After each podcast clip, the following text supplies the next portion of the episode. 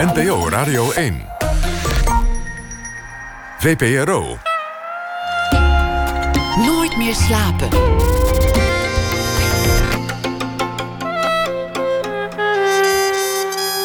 Met Pieter van der Wielen. Goedenacht en welkom bij Nooit meer slapen. Ralf van Raat is de gast zometeen na één uur. Pianist en bevlogen ambassadeur van de klassieke muziek. Hij treedt op komend weekende met bewerkingen van de muziek van popgroep Radiohead. Wanda Rijssel die schrijft een verhaal bij de dag die achter ons ligt. En u hoort na ene Guus Kuijer over zijn hertaling van de Bijbel voor ongelovigen. Maar we beginnen komend uur met Antoine Baudard, priester, schrijver, programmamaker. Als kind al voelde hij zich aangetrokken tot het katholieke geloof. Maar de naar het priesterschap was lang en vol obstakels en tegenwerking. In de tussentijd heeft hij veel andere dingen gedaan. Hij werd programmamaker, studeerde theologie, kunstgeschiedenis en inmiddels woont hij al jaren in Rome, waar hij zich nog steeds verdiept in het geloof. Hij is ook nog altijd een uh, graag geziene gast in de media. Hij geeft lezingen en hij schrijft ook uh, boeken over geloof en over de samenleving. En op dit moment uh, is hij bezig met een boek over het onderwerp depressie. Antoine Baudard werd geboren in 1944. 44. Antoine Baudard, welkom. Dank u wel. Weet je nog dat, dat dat eerste moment is een soort eerste jeugdherinnering omtrent dat geloof? Oh, nou ja, kijk, ik ben natuurlijk, ik ben natuurlijk eh, gewoon katholiek gedoopt toen ik geboren werd, de dag erop al. Dus maar daar heb je geen herinnering aan? Nee, nee, maar, dat ben je, maar dat wil, ik wil ermee zeggen dat je dan meteen al eigenlijk in die cultuur je bevindt. En die was natuurlijk in de periode toen de zuilen nog overeind stonden in Nederland... was dat een duidelijke cultuur. Hè? Je, want je, je, je, het zuidersysteem hield in dat katholieken gingen bij daar een katholieke bakker. Hè? En, uh, en, de, en de Gruiter, dat was een groot Gruttersbedrijf. Dat was een katholiek bedrijf. Noem maar iets. Nou, wat, wat ik me herinner is wel dat ik mee met, mee met genomen naar de, naar de kerk, zoals dat gebruikelijk was. En dat ik onder de indruk was van de liturgie. Dat wil zeggen van wat daar allemaal gebeurt in zo'n kerk. Met muziek en met kaarsen en met wierook. En, en uh, wat daar dus dus dat naar boven getrokken wordt, om het maar meteen hoogdravend te formuleren. Dus wat er meer is dan wat alleen maar hier op aarde gebeurt. Dat heeft mij eigenlijk altijd zeer gefascineerd. Toen je vijf al was? Ja, nou ja, goed. Toen ik, ik, ben, ik, ik, toen ik vijf, zes was... ik ben ook meteen misdienaar geworden, zoals het toen gebruikelijk was. Nou, dan ben je iedere dag in de kerk. En ik werd ook natuurlijk koor, uh, koorzangertje. Dus al die dingen zijn van meet af aan altijd zo, zijn altijd uh, zo gebleven. Totdat, uh, wij praten dus nu over de jaren 50, 60... totdat de Tweede Vaticaans Concilie ja, bijeen was... van 1962 tot 1965. En dat was ook meteen de periode van de, nou, we zeggen, van de studentenopstanden... en van wat iets meer zei. En dat is ook de reden waarom ik zelf altijd, ook nu nog... de jaren 60, de rampjaren van de 20e eeuw vind omdat die traditie werd aangetast? Omdat de traditie werd aangetast, maar ook die, met name de kerk stond op zijn kop. Het is heel, heel interessant dat de kerk echt de eerste was... waar de revolutie plaats had, althans in Nederland. Hè, nog voor de studentenopstand. Dit was in 1968 in Parijs. En toen naar de hand de maagdhuisbezetting in 1969 enzovoort. Ik herinner me van Nederland vooral het, het beeld... is voor mijn tijd hoor, maar van popgroepen in de kerk om jongeren uh, te trekken. Ja, dat was de reden waarom ik dus thuis bleef, precies. Toen was de lol er wel even vanaf? Toen was voor mij de lol eraf, ja. ja. Ja. Toen, toen, je, toen je klein was, misdienaar. Wat, wat, wat doet een misdienaar en, en wat was daar zo aantrekkelijk aan? Nou, kijk, niet voor niks worden, de, worden, worden priesters vaak gerecruiteerd uit de misdienaars. Omdat de, je, deelt, je deelt op een directe wijze uh, deel je in de liturgie. Dus een misdienaar assisteert in zekere zin de, de priester. En dat was in die tijd nog in het Latijn, dus dat, dat, dat, dat was best wel moeilijk om al die, al die antwoorden uit je hoofd te leren. Ja, het, dit heeft iets van... Kijk, eh, eh, eh, als ik het wat oneerbiedig formuleer... Kijk, dat, die hele liturgie is natuurlijk ook een spel. Hè? Het, is ook een, het, is ook een, het is ook theater.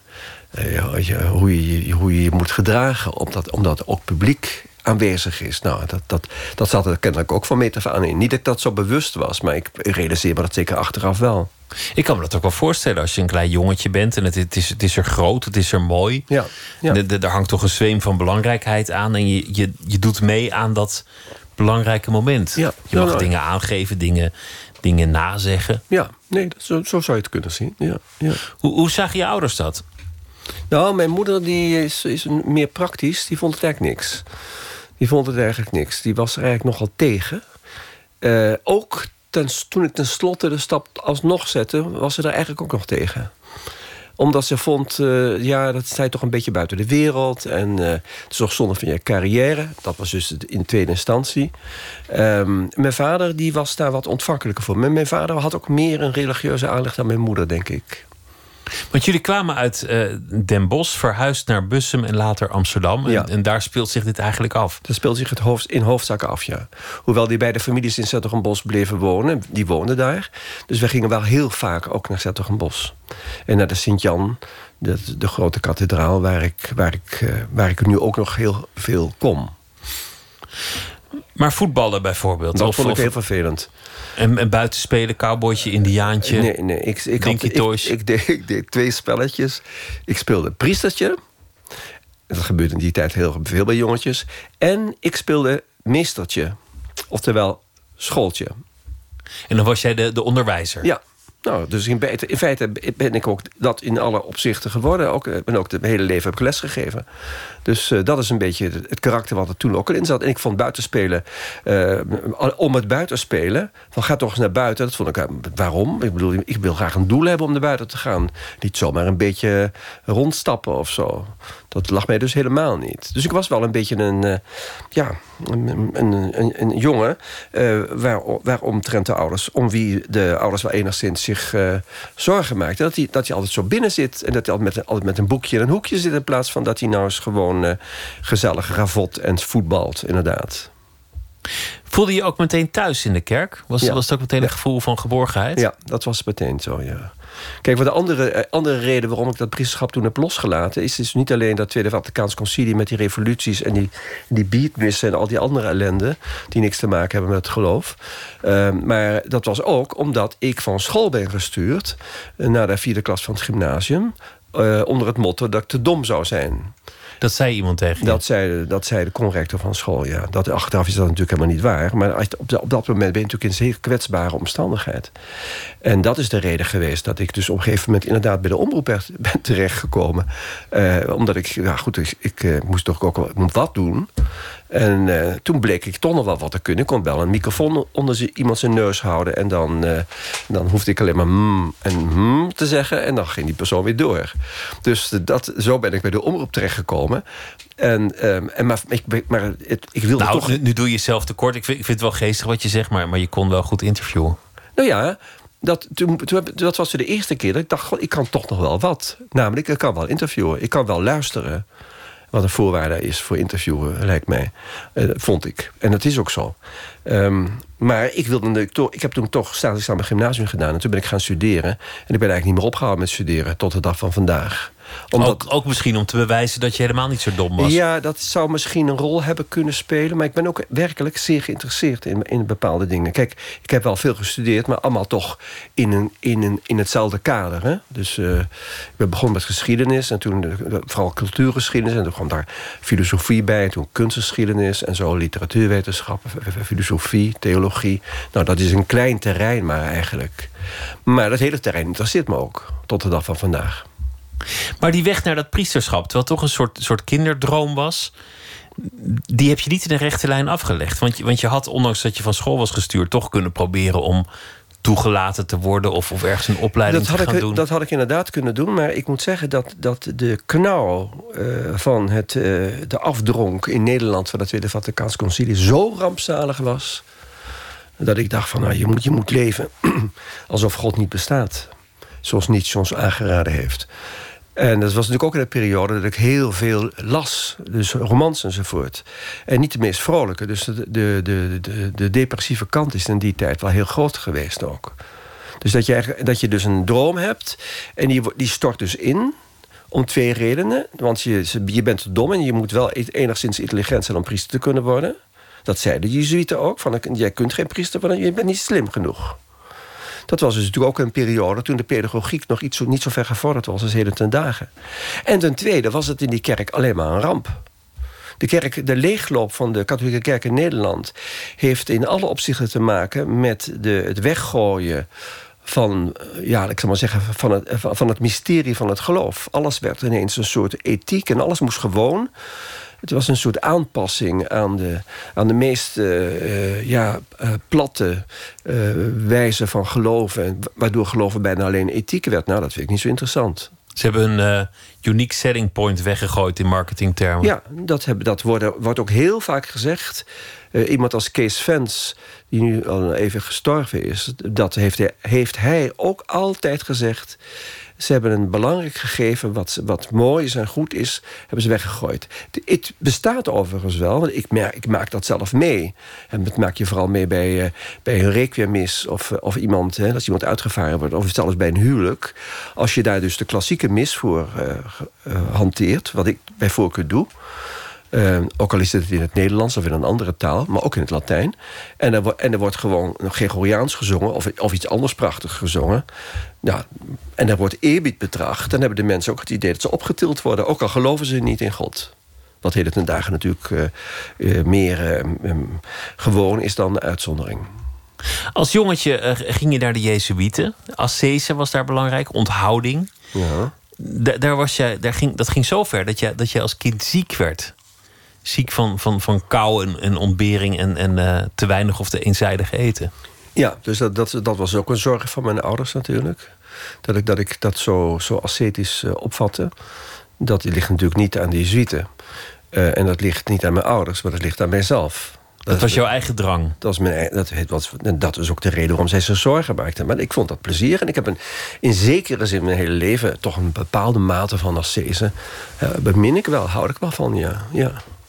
Gewoon niet, niet te veel eten, niet te veel drinken. Dan kun je beter, kun je beter denken. De kachel iets lager, een beetje streng zijn voor jezelf. Ja, nou, de, de kachel lager is misschien het moeilijkste nog.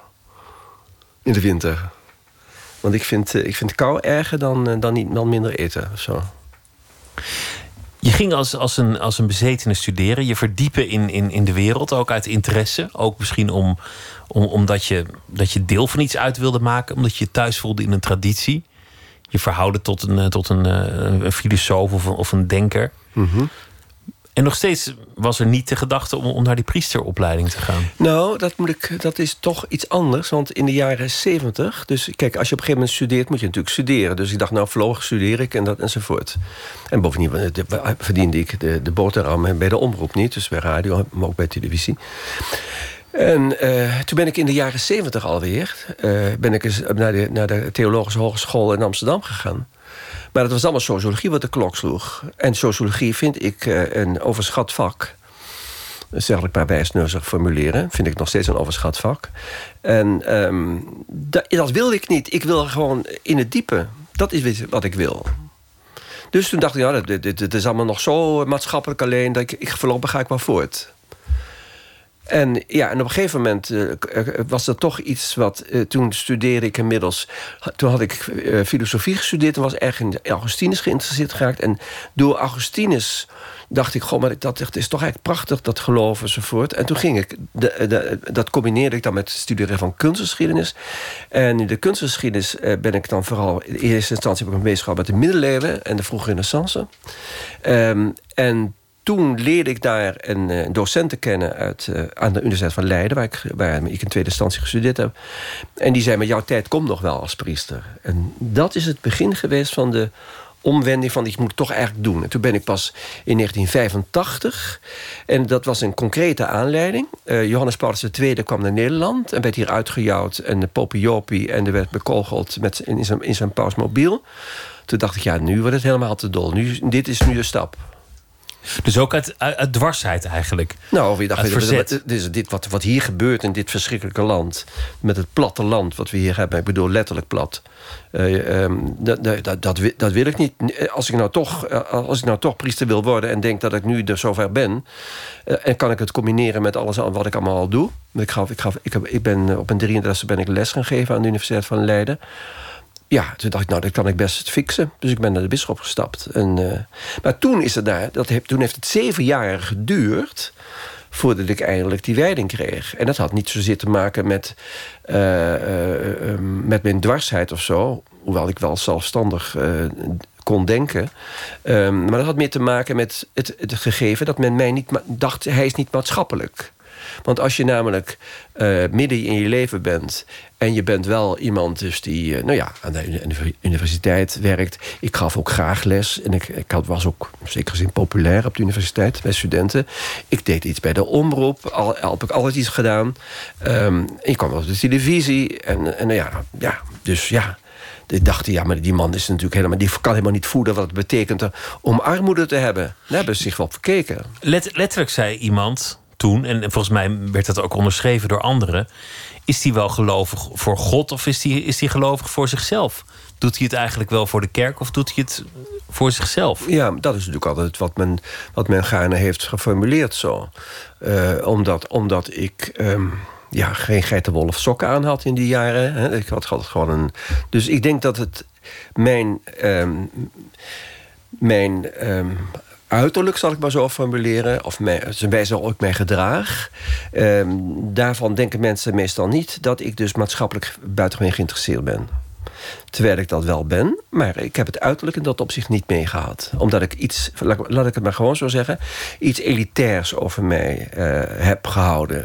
Misschien in die jaren werd je ook als conservatief gezien... omdat je niks van de jaren zestig moest hebben. Nee, dat, dat klopt. Nou, wat kan mij dat schelen? Dat het maakt me helemaal niks uit. En, maar ik kan u wel vertellen, ook, ook nu nog... ik ben van nature een elitist. Ik vind dat de elite ik bedoel de elite natuurlijk van de mensen die kunnen denken... en die, en die leiding kunnen geven... dat die ook werkelijk, ook in een democratie... de leiding zouden moeten, moeten nemen. Dus daar ben ik geen haar in veranderd. Vind ik nog steeds. En al dat rare vergaderen... Uh, een hele middag bezighouden met, met kopjes koffie... En, en elkaar een beetje vliegen afvangen... daar hou ik helemaal niet van. Daar heb ik me altijd enigszins aan ontrokken.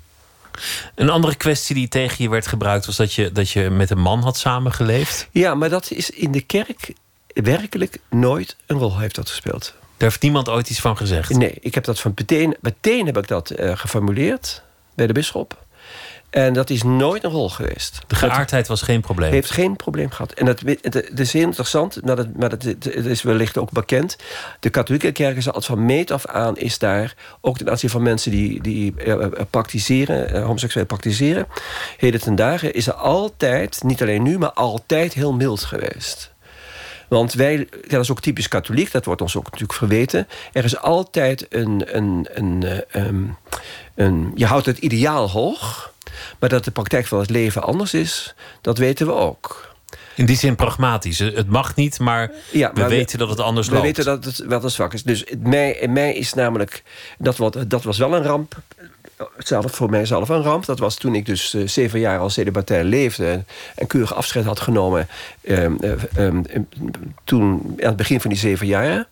Ehm, dat men, toen werd ik door de gay-wereld plotseling... Eh, ehm, uit de kast getrokken, zou ik maar zeggen. Terwijl ik, kijk, ik heb daar nooit een probleem van gemaakt zelf. Ik bedoel, maar ik was niet, eh, ik ben, ik was niet iemand die, uh, die nou, nou zo mee te koop liep. Dat vind ik de hele ten nogal vervelend. Ik vind dat buitengewoon vervelend wanneer mensen tot hun eh, seksuele oriëntering worden teruggebracht. Maar natuurlijk in de wereld werd daar, ja, het klinkt, ja, de wereld, dus de kerk en de wereld. In de wereld uh, werd, werd daar heel vaak uh, ja, mee gespot. Van nou, die, die heeft vast wel ergens iemand in de kast zitten. Um, maar, dus het, ze geloofden me ook helemaal niet. Dus, uh, toen, ik had namelijk een, een jaar voordat ik die. Um, um, gewijd werd, um, heb ik in 1990, 91 tot 92 heb ik een televisieprogramma gemaakt. Een gesprekprogramma van, van 50 minuten. Dat kon toen nog, later op de avond. En um, dan waren er commentaren in, in de kranten van... nou, Baudard met zijn opwaste gelaat... heeft, heeft, zeker, zeker met Guido Gezelle. Dus dat, ze wisten nog helemaal niet dat ik priester zou gaan worden. Maar dat, kennelijk was er veel aan de hand al... En ja, men gelooft dat natuurlijk niet. Maar de vraag die toch altijd open blijft is, is waarom zou je... Of, of hoe is het als je zo graag wil toetreden tot een, tot een traditie, een gemeenschap... en die, die gemeenschap jou wegstuurt, jou niet wil hebben? Als je, als je de deur wordt gewezen, als je wordt tegengewerkt... Ja, dat, dat, de, dat is, dat is uh, concreet het priesterschap dus. dus ja, je, je wil, je wil niets liever al van kinds af aan dan priester worden. En dan, dan lijk je te gaan worden, of dan ben je het. En dan word je weggestuurd en dan zeggen mensen... ah, dat wil hij niet echt, of hij hoort hier niet. Ja, maar dat, heeft, dat, heeft, dat heeft te maken met... Uh, uh, dat de, dergelijke zaken zeggen veel over de mensen zelf. Kijk, het is altijd de persoon zelf die, dus de, die kijkt met zijn eigen ogen en met zijn eigen gedachten kijkt hij naar een ander. En, maar dat, het, het, het, moet je gekwetst hebben, dat kan haast niet anders. Nou, dat, dat, uh, in zekere zin was dat, was dat niet feestelijk. Nee, dat kan ik uh, zonder, meer, zonder meer opmerken. Maar ik was wel. Um, uh, kijk, toen ik eenmaal, toen ik eenmaal um, A had gezegd. dacht ik, nou, ze krijgen mij daar niet onder. Dus, en dat is ook gebeurd. Ik, heb, ik, ik, ja, ik, kan dat, ik wil dat liever niet. Ja, kan het de, aan detail vertellen, maar dan hebben we het daar alleen maar over. Um, ik heb gewoon volgehouden. Want op een zeker ogenblik was er die benoeming. En die werd weer ongedaan gemaakt omdat niet aan de formaliteiten was voldaan. Maar het had er wel alle schijn van dat daar meer achter zat. Dat, dat ze je gewoon weg wilden hebben. Nou, dit, uh, dat moet, onderscheid maken tussen de periode voor het priesterschap. Daar had ik, ik was helemaal al goedgekeurd, alles enzovoort. En ik kon die studie aanvangen. En toen kwam er een, een persoon die, ik denk dat achteraf daar veel jaloezie uh, in gezeten heeft. En die probeerde mij het leven onmogelijk te maken. Die wilde me ook wegsturen. En um, stuurde hem ook weg. En ik kwam aan de universiteit van, uh, van ik, theologie. Ik heb gestudeerd in Utrecht theologie. En ik wende mij tot, uh, tot, tot de decaan of de rector magnificus. Het was, toen heette toen nog net de universiteit. En het was een bijzondere man, een zekere Ferdinand de Grijs. En die, ik vertelde hem wat mij overkomen was. En toen zei hij alleen tegen mij: Meneer Boudin, je moet goed weten. U, deze man heeft evenveel charme in zijn hele lijf als u nu pink. Dus u gaat gewoon verder. Dus ik ben ook altijd beschermd. Er waren ook mensen aan, aan je kant. Ja, precies. Ben je depressief geweest zelf? Ja, kijk, ik ben, ik ben, ik ben een. Ik, heb, ik denk dat ik behoor tot de mensen die, die horen tot de mensen die een de, depressieve aanleg hebben waar ik natuurlijk heb, in de loop van de jaren heb geleerd om mee om te gaan. Maar daar zijn twee keer, twee keer is, me dat erg diep overkomen. Um, dat is ook de reden waarom ik daar nu een, een klein boek over uh, gemaakt, aan het maken ben. Met een, met een journalist overigens. Ik schrijf het boekje niet zelf. Dat is geweest uh, toen in de jaren zestig. Toen ik dus uh, ja, uh, met lege handen stond, letterlijk, en uh, van school gestuurd was. En, en, die, en, die, en, die rampspoed daar in de kerk, waardoor ik dat ook terzijde had ge, geschoven. De droom aan duigen en de Jezuïet die zei: Je bent te dom, het wordt niks met jou, ga precies, maar een baantje zoeken. Precies. Toen heb ik. toen heb ik, is, het ook zo, is het ook uit de hand gelopen tot zelfmoordpoging toe. En dat is de, de eerste keer geweest. En de tweede keer is geweest, maar toen was ik al priester. En daardoor was de tweede depressie ook een hele andere dan de eerste. Kijk, aan de eerste denk je gewoon, ik wil dood, ik wil eruit, basta. Dus uh, dat, is, dat is ook omdat, je, omdat er... En ik denk dat, dat het ook veel zegt over mensen van heden ten dagen... die, die uh, zelfmoord plegen. Die, die, uh, de maatschappij is zo zonder idealen, vind ik althans dat men denkt van ja, wat, wat moet ik hier eigenlijk? Ik kan net zo goed eruit stappen. Het is een gebrek aan richting, zingeving. Uh... Precies, vooral dat woord zingeving zou ik dan noemen, ze willen noemen. Ja. En de tweede keer was, had ik, was het gewoon, had ik te veel klap op de kop gekregen. En die, kijk, je, je kunt dat zoiets altijd volhouden. Je moet er, zeker, je moet, je moet erover nadenken. Maar als op een gegeven moment word je overbelast en dan gaat het mis, kan het misgaan. Want toen ik, eh, toen ik de tweede keer het mij overkomen is... dat was ook de directe aanleiding geweest waarom ik naar Rome ben, gegaan. Dus dat was in de tweede helft van de jaren negentig. Toen was ik al lang priester. Maar eh, toen... Eh, ja, toen, toen, toen gebeurden er allerlei dingen tegelijkertijd. Ik, ik zat dus erg met, die, met, het, met het imago dat mensen je niet geloofden. Um, ik stond ineens publiek als die, als deze, als die priester die, uh, die niet normaal was, zal ik maar zeggen. Dus met deze oriëntering die, die mij... Uh, die de geaardheid? ja, maar dat, heeft, maar dat heeft alles te maken ook met... dat vind ik een van de bezwaren, ook van, weer van Nederland je, moet, je, je wordt altijd in een hok gestopt. Je, moet, je bent dit, dus dat moet dan ook altijd... op alle, vlakken moet het dan een rol blijven spelen. Wat voor mij helemaal niet het geval is. Nou, dat, was, dat speelde dus mee.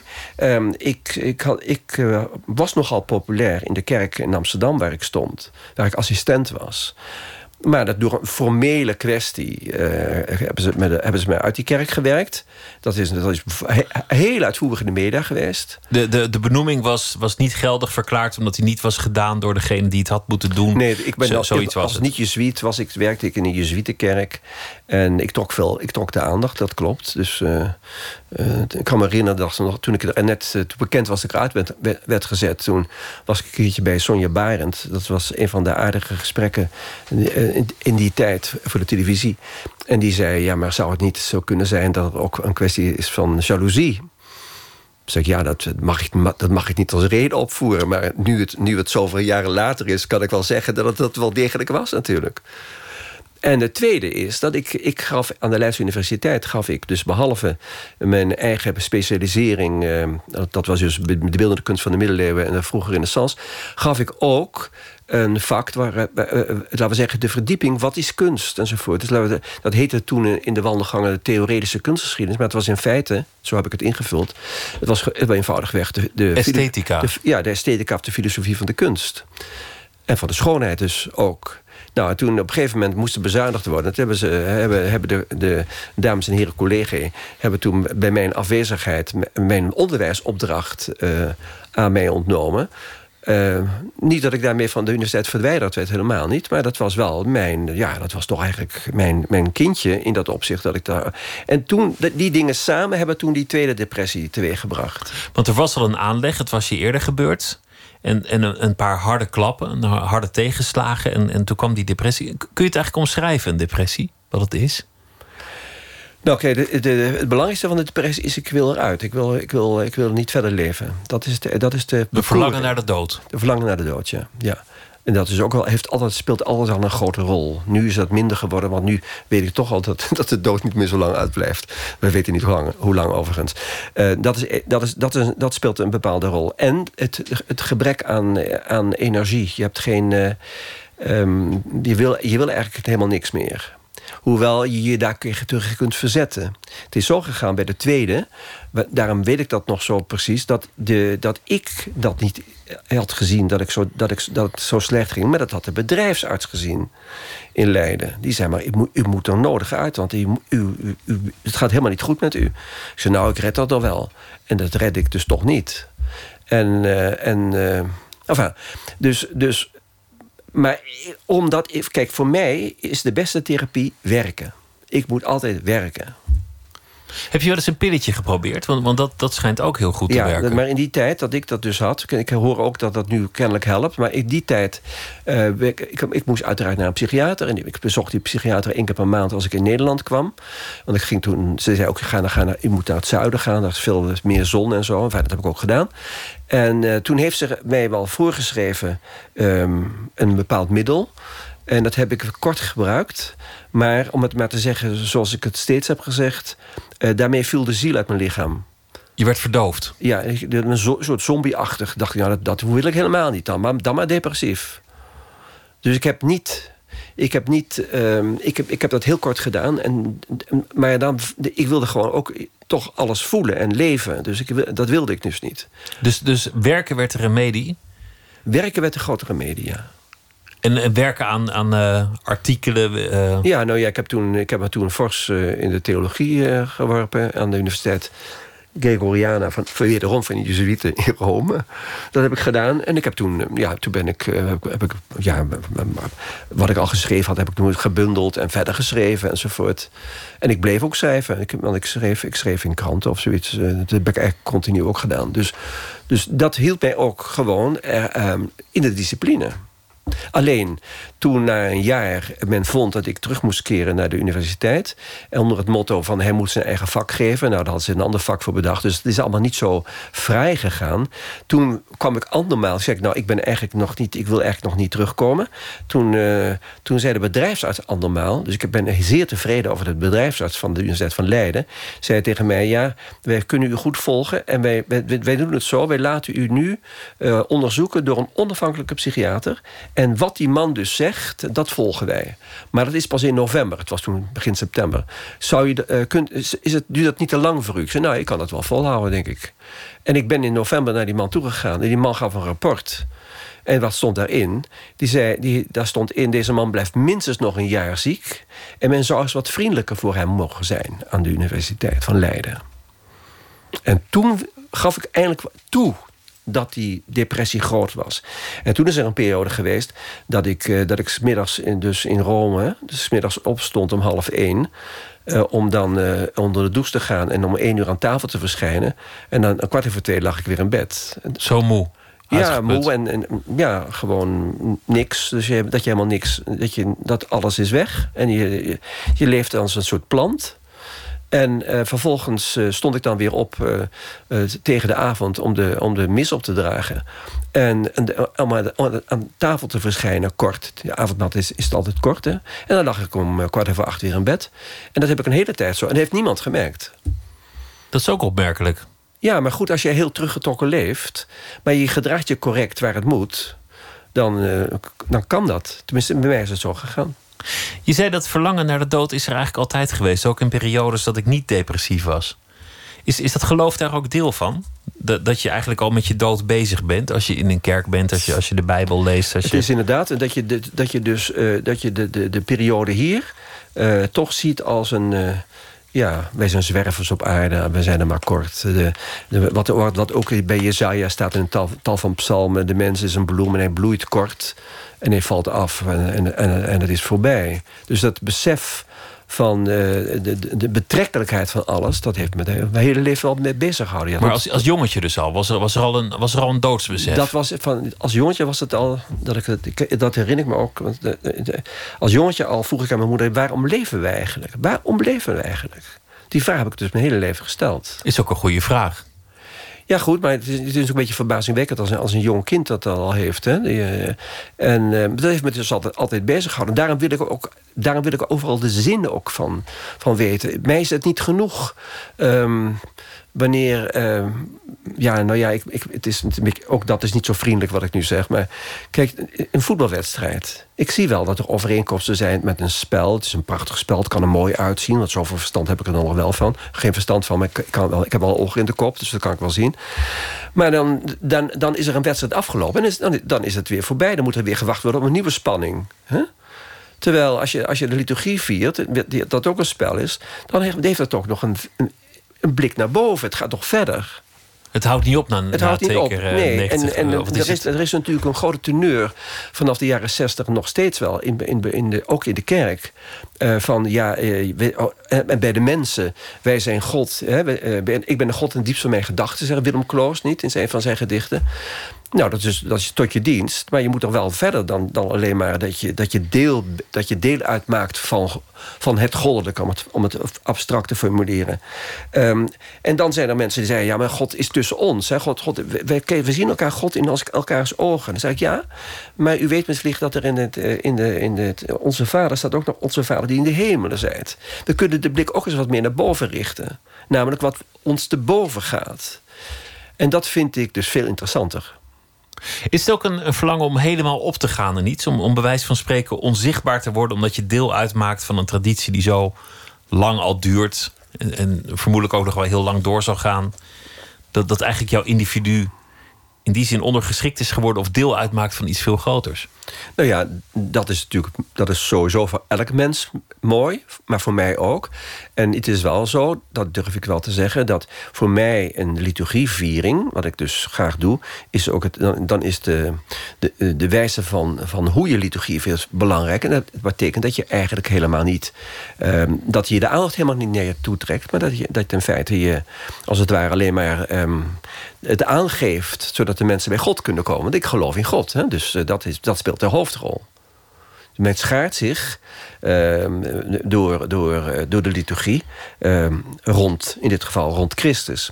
En die priester, die is, die is slechts de knecht die, het, uh, die, die bepaalde handelingen verricht. En, en natuurlijk ook zijn stem verheft met, in alle opzichten. Maar in feite gaat het helemaal niet om die priester. Het gaat erom dat die mensen bij God komen. De priester heeft de taak om de mensen bij God te brengen. Dat is de taak van de priester. En om de mensen vanuit zijn, vanuit zijn, uh, vanuit zijn hoedanigheid, als het kan, te troosten.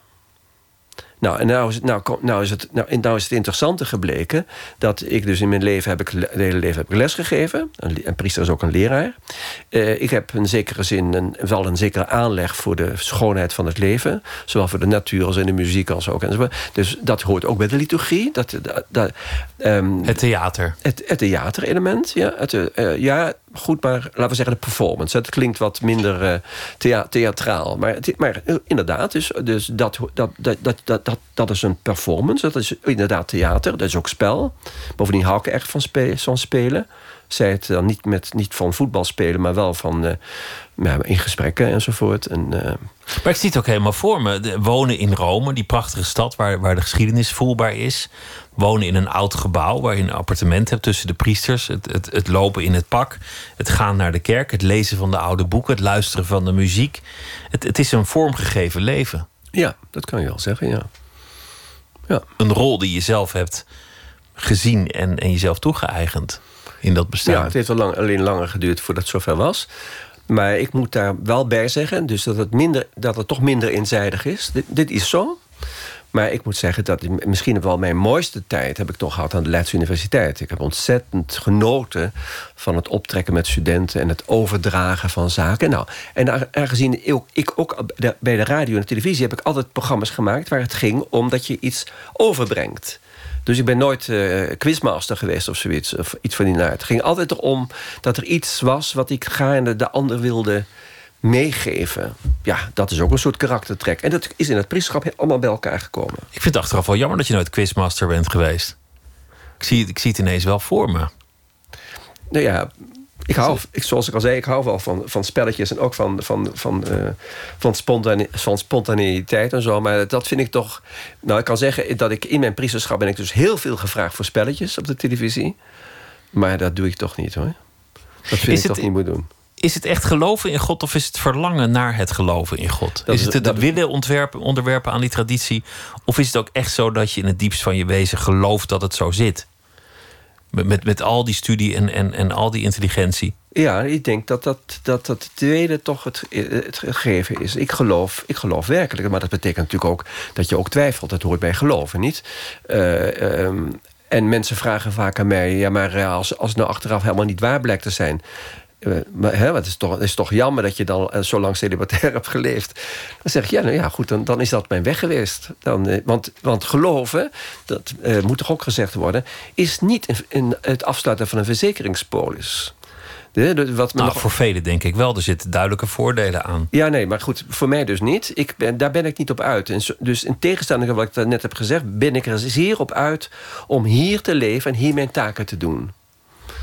En, ehm, en, en, zodanig, maar dat zeg ik tegen andere mensen ook. Je moet eigenlijk zo leven dat je, wanneer het zover is, en je, je sluit je ogen. Uh, als, je, als je tenminste niet een ongeluk krijgt, want dan, kun je dat, dan heb je niet minder tijd. Uh, dat je dan zegt: Nou goed, dit, dit, dit, heb, dit was mijn leven. Ik heb, ik heb geprobeerd er iets van te maken. Ik ben natuurlijk ook vaak het niet gelukt. Ik sluit mijn ogen. Dit was mijn leven. Zoals de historicus Jan Romein vroeger altijd zei... Uh, althans zeggen, uh, ik, heb het niet, uh, ik heb het alleen maar gelezen... want ik heb hem niet gekend... dat wanneer, wanneer iemand gestorven is... Dan, dan voltooid, dan krijgt dat leven een eenheid. Het is heel, een groot verschil wanneer je een biografie schrijft over iemand die nog leeft... dan wanneer je een biografie schrijft over wanneer iemand dood is. En dat... Pas in, in de laatste snik kan iets nog veranderen... Ja. waardoor het hele beeld anders wordt. Ja, Pas, pas bij die laatste adem kun je zeggen, zo was het. En, en dan nog, dan gaat de geschiedschrijving verder. Ja. Zal het oordeel nog veranderen? Komen nog dingen aan het licht en, uh, en lijken uit de kast? En je dat, gaat, het dat gaat natuurlijk door. Maar dat is voor jou een belangrijke opdracht. Het moment van sterven en, en dan weten dat het goed was. Dit was het leven.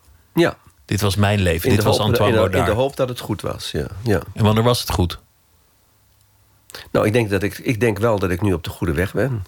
Maar we zijn, we zijn er nog niet. Het is nog niet zo ver? Nee, dus, nee, nee ik, ben nog, ik, heb, ik, heb, ik heb niets onder de leden voor zover ik weet. Dus uh, ik, ik werk nog wel even door. Maar die twijfels over dat geloof. Want, want het is natuurlijk heel makkelijk om er een soort wetenschappelijk spel van te gaan maken. En, en te zeggen van nou ja, uh, zeven dagen dat is niet meer houdbaar. En uh, er zijn fossielen gevonden die ouder zijn. En je, je kan het heel rationeel benaderen. Maar nou, dan, zul je er toch niet uitkomen. Nee, maar ik kan zeggen dat ik dat... Uh, dat klinkt misschien vreemd, maar juist in de katholieke kerk... Eh, wordt, er, wordt er zeer aangemoedigd uh, om, bij theologen... om vooral ook veel filosofie te studeren. Om, om, om vooral het denken te ontwikkelen. Dat je, dat je moet denken. En ik, kan, ik durf te beweren dat um, toen ik... voordat ik naar Rome ging in 1998... en ook heel veel werd geïnterviewd over de kerk... Uh, had, was mijn bagage wat betreft de theologie minder, minder groot dan die nu is bijvoorbeeld. En toch was het niet moeilijk, omdat het, omdat het heel logisch in elkaar steekt. Dus de, de hele theologie van de katholieke kerk is heel logisch. En dat zien we nu op dit moment wat minder. En dat geeft ook de verwarring. Bijvoorbeeld wat ik daar straks zei. Ehm, je, dat je werkt met het model. Eh, er, is een, er is een leren, er is een leven, er is een theorie... en er is een praktijk en er is een ideaal en er is een werkelijkheid. En daar, moet, daar is een spanning tussen en daar moet je het mee doen. Kun je altijd zeggen, ja, maar het ideaal is zo dat moet je ook eigenlijk, dat doe ik ook, moet je, dat moet je ook naar buiten brengen. Uh, maar tegelijkertijd heb ik, heb ik natuurlijk ook gesprekken met mensen afzonderlijk. Ja, en daar kan dat heel ergens onder uitkomen. Want ik vind het heel belangrijk voor mij als priester... dat ik mensen probeer te troosten. Dus luisteren en troosten. Dus uh, moed geven. En daarbij kan ook horen dat, dat iets dat eigenlijk niet mag of niet hoort... of niet, niet hoort te bestaan, wel degelijk bestaat... omdat de praktijk nou eenmaal anders is. Ja, ja. Heel pragmatisch eigenlijk. Heel pragmatisch. En dat vind ik ook, een, dat vind ik ook wijs voor een, uh, voor een kerk. Hè? Want, u, want uh, wij kennen die uitspraak... Uh, de kerk trouwt natuurlijk nooit met de tijd. Hè? De, tijd. de kerk is natuurlijk nooit eigen aan de tijdgeest... zoals het genoemd zou kunnen worden. Zodra de kerk trouwt met de eigen tijd... is zij spoedig weduwe. Als zoals, kerk... zoals met de, de, popgroep in, in de kerk destijds, de Beatles. Ja, dat was, de, dat was helemaal de verkeerde weg. Dat was helemaal de verkeerde weg, ja. De katholieke kerk is, is, de, is de laatste jaren in een, in een ontzettend kwaad daglicht komen te staan. En dat, dat gaat maar door. er wordt nog steeds uh, over geschreven, er komen nog steeds onthullingen. Ja. Ik hoorde jou op een zeker ogenblik op televisie zeggen als het zou helpen als ik persoonlijk boete zou doen daarvoor, door, door, door een gevangenisstraf te ondergaan, ook al ben ik op geen enkele manier persoonlijk schuldig, dan zou ik het nog doen ook. Ja, maar dat is natuurlijk gewoon een katholiek denken. Uh, kijk, ik heb het gezegd voor de eerste keer. Um, toen waren die schandalen braken uit. Op de voorpagina van de NRC uh, stond dat wat er gebeurd was in een internaat in Serenberg enzovoort. En toen werd ik geïnterviewd door Vrij Nederland. En toen vroeg die uh, mevrouw, die zei, die zei toen... maar vindt u dat de boete gedaan moet worden? Ik zei, ja, ik vind eigenlijk wel dat de boete gedaan moet worden. Maar ja, die mensen zijn allemaal nu uh, oud en de dagen zat. Ze zijn, ze zijn of dement of ze zitten in een bejaardenhuis. Laat die mensen nou maar zitten. Maar als het, als het zou helpen om... Uh, um, als dat, als dat genoegdoening zou zijn, zou voor mij het geen. Ik zei het ook nog een beetje luchtig hoor. Het is naar de hand in kranten allemaal bloedserieus genomen. Het was ook serieus. Maar ik heb toen ook erbij gezegd... ja goed, ik, ik, heb toch een, ik heb een laptop. En ik vind het helemaal niet zo'n probleem... om eens een tijdje in de gevangenis te gaan zitten. Want dan werk je, kun, je, kun je rustig doorwerken. Het, het, het, moest je wel persoonlijk geraakt hebben... als je al je hele leven uh, zo houdt van die kerk en die traditie. En die traditie, ja, dat blijkt ineens ook een, uh, ja, een, een schuilplaats voor pederasten ja, te zijn. Dat heb, ik heel, dat heb ik ook heel erg gevonden, ja. Uh, ik kan me herinneren dat... dat um, dat mij werd gezegd, ja, maar uh, dat, dat had u toch wel kunnen weten? Nee, ik heb dat dus niet geweten. Hoewel ik achteraf, en dat is namelijk, dat is toch het interessante van. Ja, interessant is dan misschien toch wel het woord. Uh, van wat allemaal gebeurd is. En dat vind ik ook nog altijd een merkwaardig gegeven. Dat kort voordat die, die zaken uitbraken... kreeg ik bezoek in Rome van een... Uh, achteraf een oud-klasgenoot is geweest... van het Ignatius College in Amsterdam. Uh, was, die was diplomaat geworden. En die zei, ja, wij waren... Wij, ik had je altijd al willen bezoeken. En nu heb ik je dan eindelijk bezocht. En ik was, wij waren zo stom verbaasd als klas... dat jij van school was gestuurd. En ik heb daar naar de handen over gesproken... Met de, later, veel later, dus met een psycholoog... En uh, wat gebeurd is, dat heb ik dus zelf meegemaakt. Ik ben, ik ben niet seksueel misbruikt. Dat is niet zo. Lichamelijk ben ik niet misbruikt. Maar al het andere ben ik wel, is wel gebeurd. Degene die me van school heeft doen sturen... was degene die, die een geweldige macht over mij, over mij had... die me ook altijd overal aanhaalde in de klas. Dat was ik allemaal vergeten. Maar toen die persoon mij dat kwam vertellen... van wij konden ons niet voorstellen dat je van school was gestuurd... en toen daarna dus, kort daarna, al die ellende uitbrak... waar ik dus heel veel uh, mee, uh, heb gesproken... dus zo met slachtoffers als, als, uh, om, om dat te plaatsen... bij Paul Witteman en al die programma's. Um, is, toen heb ik dat van mezelf ook boven water gekregen. Dat ik van school in feite ben gestuurd. Ja, om, om, om, om een vorm van macht. Omdat ik niet paste in die... Wat die ene jezuïet met, met een zekere aanleg tot... tot, uh, laten we zeggen, plagen of sadisme. Dat Hij kon niet over je beschikken. Het lukte nee, dat, niet. Dat is, dat, en die man is geëindigd in een krankzinnigenhuis.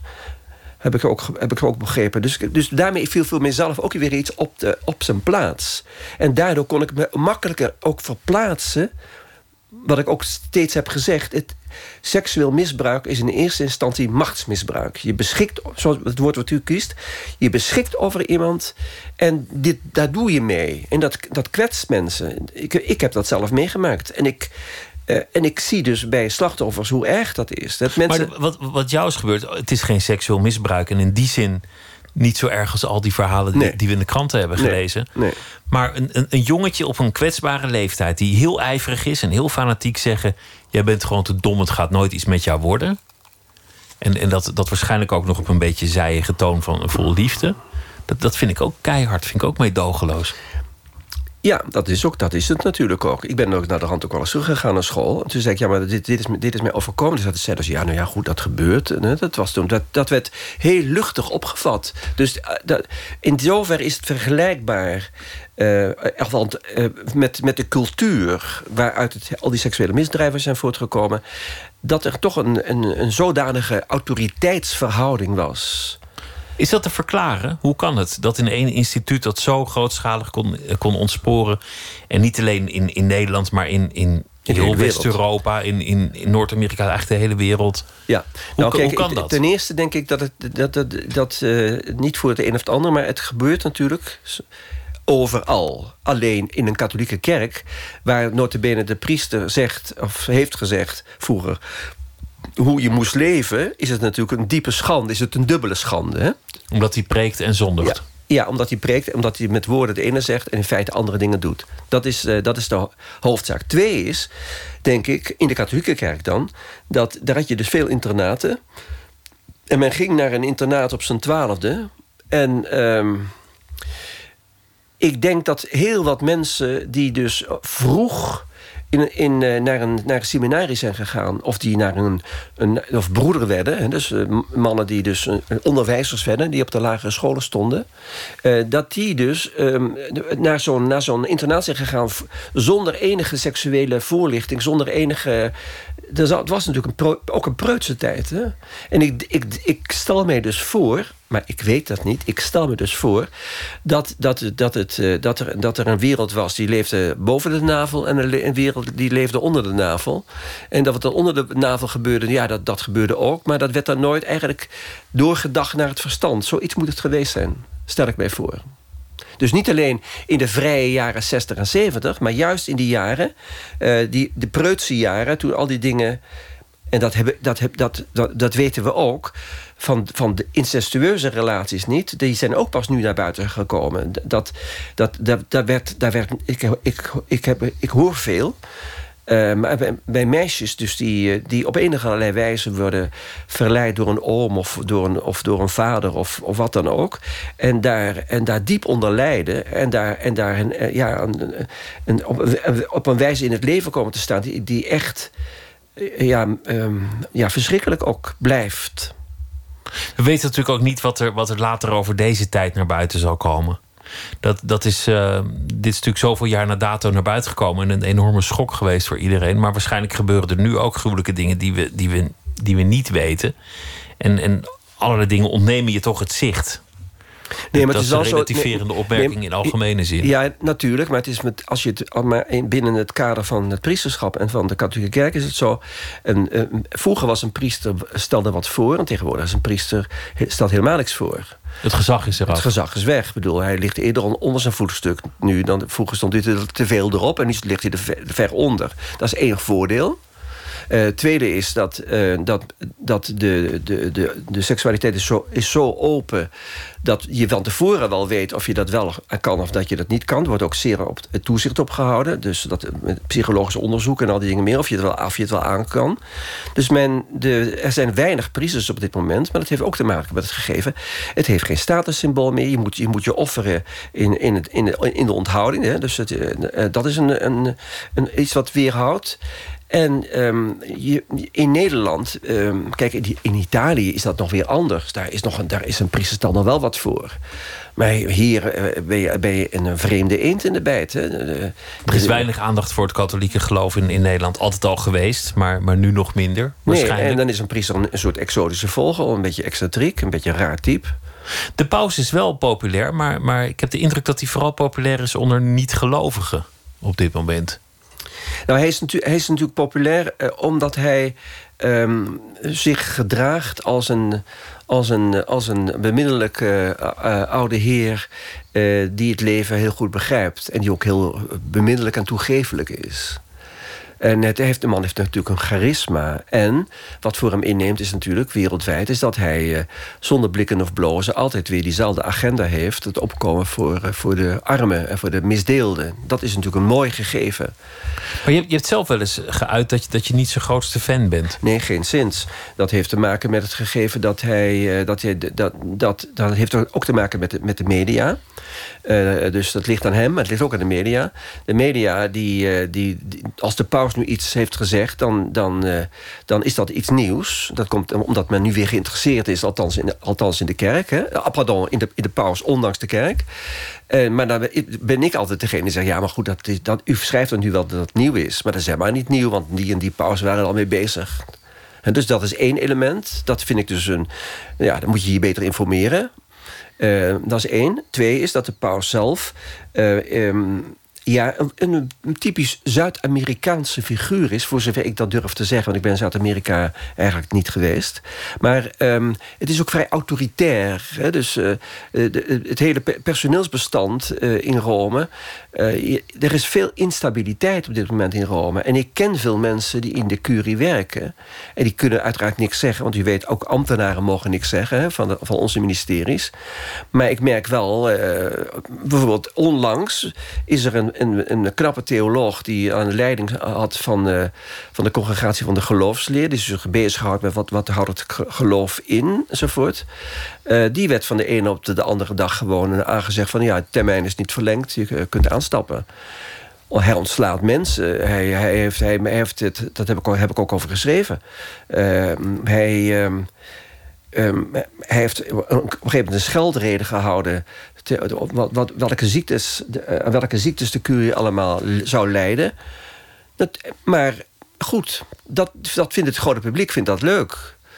En natuurlijk zijn er ook carrièregangers en huigelaars enzovoort. Maar we zijn niet allemaal huigelaars en carrièregangers.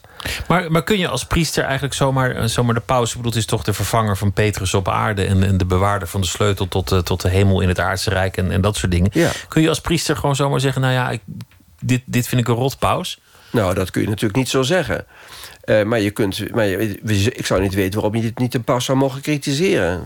Net zo goed als je. Dan is hij toch gewoon heel menselijk. Hij is, hij is toch ook een. Ja, hij zegt het zelf al trouwens. Een paus is ook een zondaar. Dat moeten we niet te veel overdrijven. We moeten ook naar de wc enzovoort. Dus, uh, is, dat, is, dat, is dat heel Nederlands eigenlijk? Want ik, ik weet dat je, dat je Nederland, je noemde het net nog, een letterlijk plat land. En dat je helemaal niet van de Hollandse directheid houdt. Maar, maar hier lijkt hij toch ook een beetje in jezelf gevaren. Ja, nee, maar dat, ik denk dat ik, eh, dat ik zeker in dat opzicht eh, van directheid houd. Uh, maar je kunt directheid op meer manieren doen. Hè. Je, kunt, je kunt het bot doen, maar je kunt het ook op een andere wijze doen. Hè. En het, ik kan me herinneren dat ik dus gevraagd werd na twee jaar Paus Franciscus om een, daar een artikel over te schrijven in, in Trouw. En dat, dat, dat heeft enorm veel stof doen opwaaien. maar dat lag vooral het lag natuurlijk ook aan mijn stuk. Het lag aan het gegeven dat men tegenwoordig niet meer leest wat er staat, maar dat men slechts dat men denkt dat men weet wat er staat. Dus men leest niet meer zorgvuldig. En daar kwam bij, dat heb ik trouw ook verweten... en daar hebben we daar minstens een paar uur over, paar uur over gesproken... met de eindredacteur van Letter en Geest...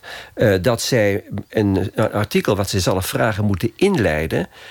En, niet, en, moeten, en mensen moeten informeren daarover... en ze niet onmiddellijk moeten gaan opidiëren wat ze gedaan hebben.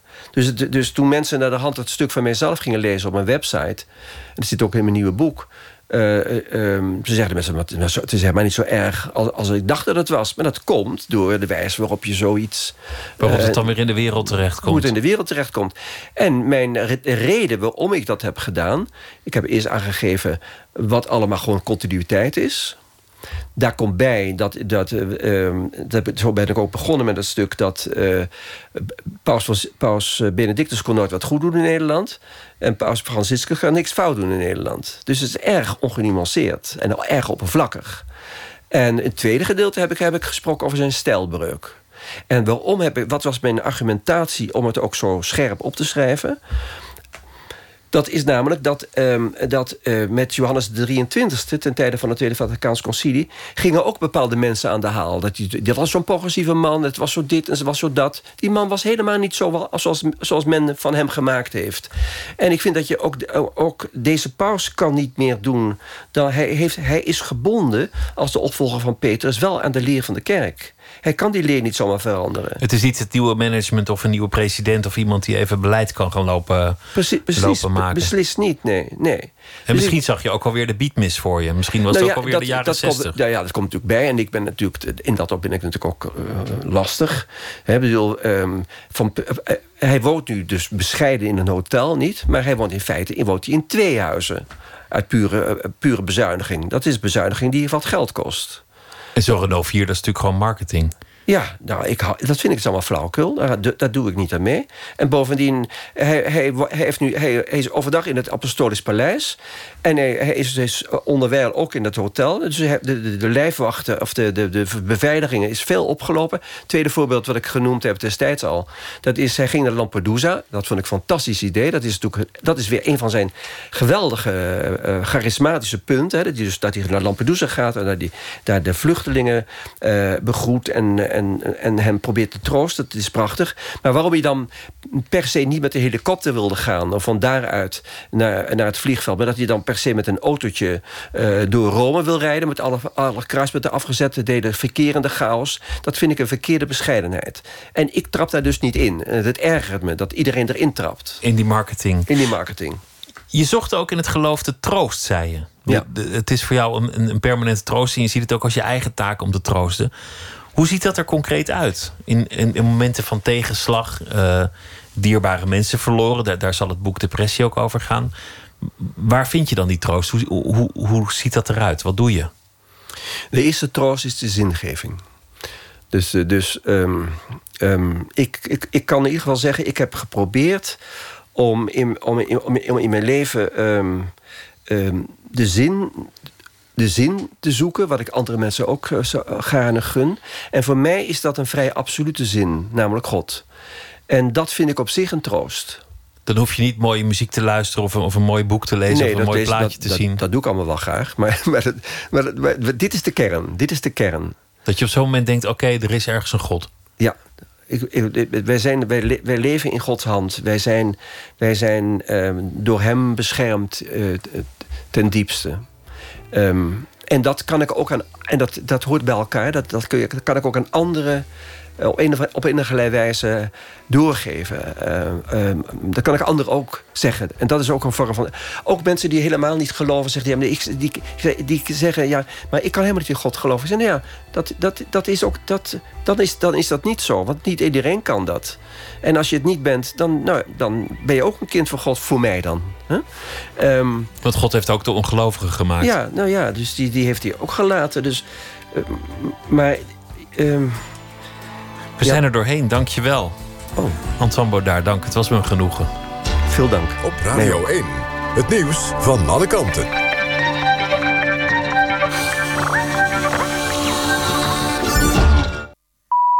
Eén uur, Kirsten Klomp met het NOS-journaal. Amsterdam krijgt definitief een fietsbrug over het IJ. Na het college heeft nu ook de gemeenteraad het plan goedgekeurd. Daarmee komt er een einde aan een jarenlange politieke discussie. De brug komt ten oosten van station Amsterdam Centraal. De gemeente wil met de fiets- en loopbrug de drukte op de ponten over het IJ verminderen. Wanneer de bouw begint is nog niet duidelijk. Waarschijnlijk wordt het wel een hoge brug... zodat grote schepen er gewoon onderdoor kunnen varen. O.J. Simpson komt vervroegd vrij. De voormalige Amerikaanse sportman en acteur... zat een gevangenisstraf van 33 jaar uit... vanwege een gewelddadige beroving. Maar hij mag nu na negen jaar de gevangenis in Nevada al uit... vanwege goed gedrag. Simpson mocht zijn zaak vandaag bepleiten voor de raad... die over zijn vervroegde vrijlating ging.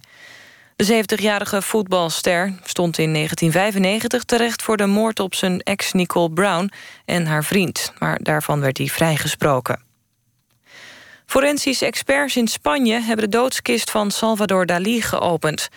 Ze proberen bruikbaar DNA-materiaal van zijn lichaam af te nemen... voor een vaderschapstest. Een vrouw van 61, Pilar Abel, zegt dat Dali haar vader is. Haar moeder was werkster in een huis van de beroemde kunstenaar... en zou een geheime relatie met hem hebben gehad. Als de vrouw inderdaad een dochter is van Dali... heeft ze recht op een deel van de erfenis. De Nederlandse voetbalvrouwen hebben ook de tweede wedstrijd op het EK gewonnen. Op het kasteel in Rotterdam versloeg Oranje Denemarken met 1-0. In de 20ste minuut schoot Sherida Spitsen een penalty binnen. Nederland heeft nu zes punten uit twee wedstrijden. Maandag spelen de Oranje Vrouwen in Tilburg de laatste groepswedstrijd tegen België... dat eerder vanavond verrassend won van Noorwegen. Het weer. Vannacht zijn er opklaringen en lokaal kan een mistbank ontstaan. De temperatuur daalt naar 11 tot 13 graden. Morgen is het een droge dag met geregeld zon en 21 tot 25 graden. Dit was het NOS Journaal. NPO Radio 1. VPRO. Nooit meer slapen.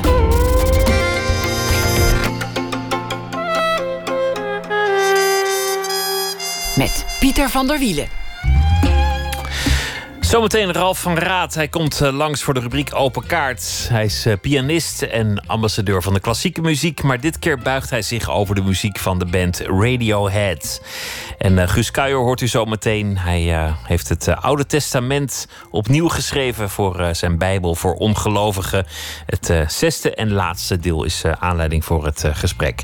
Wanda Rijssel is deze week onze vaste schrijver. Ze schrijft voor theater, televisie en radio en maakt ook romans en andere verhalen. En deze week zal ze elke nacht een verhaal maken bij de dag die achter ons ligt. Wanda Rijssel, goeienacht. Goeienacht, Pieter. Vertel, wat voor dag heb je achter de rug?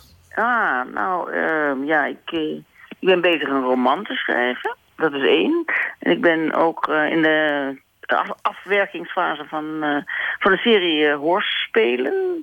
En nou ja, dan moeten de puntjes op de i worden gezet. Dat was een goede dag daarvoor vandaag. Een dag om te werken, kortom. Ja, buiten was het ook niet echt heel verleidelijk. Dus dat, dat, dat zijn goede dagen, ja. En in het nieuws, wat is je in het nieuws opgevallen? Ja, ik heb, ik heb een verhaaltje over twee stelende dames. Oh? Nou, ga je um, gang. Ja, ik zal het, uh, ik zal het vertellen. Um, Auschwitz-Birkenau is woedend. Er zijn spullen ontvreemd. Een Israëlische kunstenares, Rotem Bides... wier grootvader in het kamp gevangen zat... heeft behalve een kom, een schroef en glasscherven ook een bord uit het Auschwitz Museum meegenomen. Waarop stond, het is verboden om spullen uit het museum mee te nemen. De spullen verwerkt zij in haar afstudeerproject. Daarin stelt zij de vraag wat er gebeuren zal als Auschwitz-Birkenau binnenkort alleen nog maar een mythe is. Zoiets als Game of Thrones. Ik moest dit doen, stelt zij. Met deze tegelijk morele als amorele actie kaart de 27-jarige kunstenares zowel het herinneren van een absurde vernietiging als het belang van moderne kunst aan. Dat je over diefstal op meerdere niveaus kan nadenken... bewijst ook de arrestatie van de 86-jarige beroepsdievegge Doris Payne uit Georgia. Gisteren is zij namelijk gekleed in gevangenis oranje... voorgeleid voor het stelen van juwelen ter waarde van 87 dollar. Maar in haar 60-jarige beroepsdievenleven heeft Doris minstens 2 miljoen dollar vergaard. Ze is een paar keer eerder opgepakt, maar de rechter heeft haar nooit wat kunnen maken... want ze gebruikt geen vuur- of steekwapens... maar alleen haar charmante verschijning en haar welbespraaktheid... waarmee ze de winkelbedienders zand in de ogen strooit. Wat is Doris Payne? Een dief? Een actrice? Een pathologisch geval? Er is zelfs een documentaire over deze stijlvolle zwarte vrouw gemaakt. Met van intelligentie twinkelende ogen zegt ze volkomen zelfverzekerd na haar korte oponthoud in de gevangenis. Het maakt me niet uit hoe de mensen me zien of wat ze van me vinden. Ik doe wat ik doe en ik heb wat ik wil hebben. Ze heeft kortom van haar leven een kunstwerk gemaakt.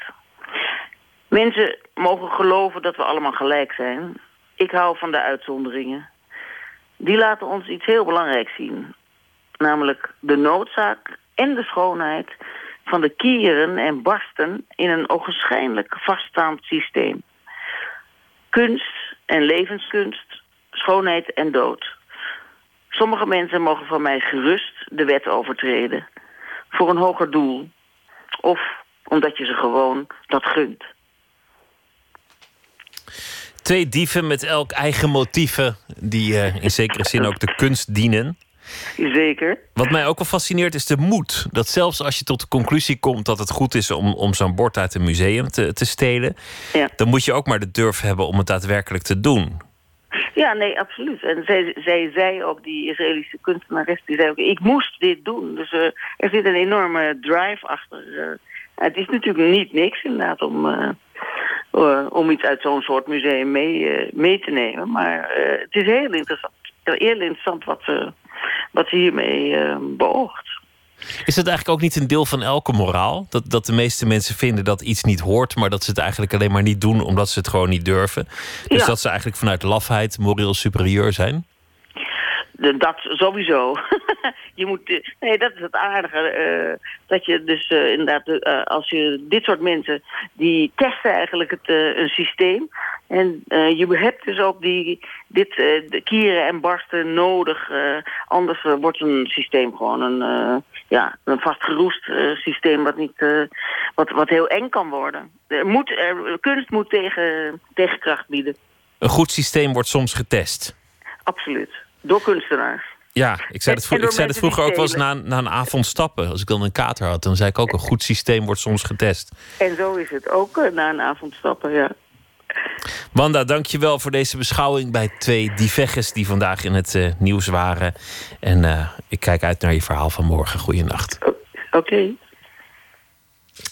War on Drugs. Eh, ze komen met een nieuw album. In augustus zal dat verschijnen. Deeper Understanding is daarvan de titel. En drie nummers zijn al uitgebracht.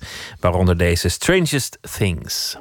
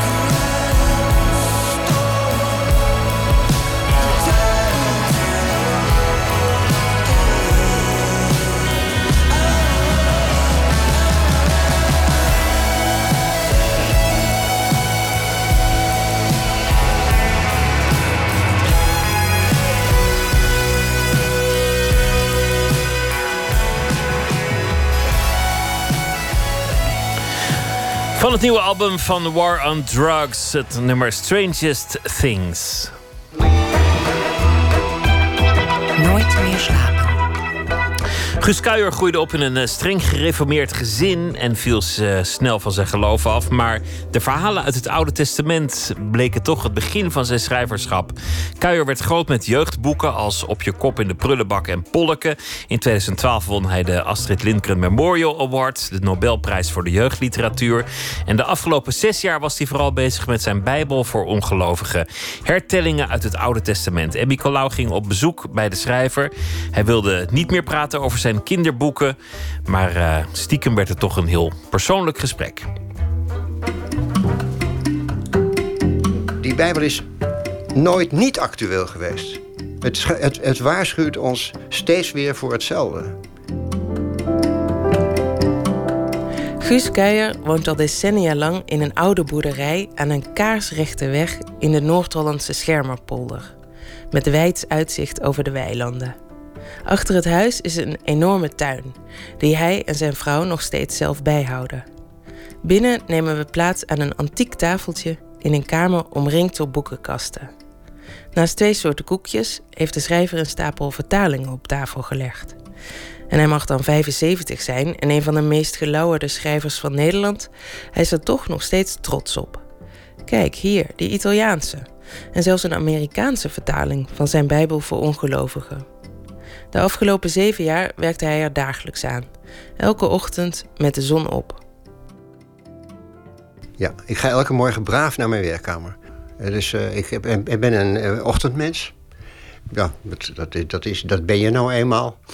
En ik sta dus vroeg op en dan doe ik uh, smiddags nog een klein slaapje.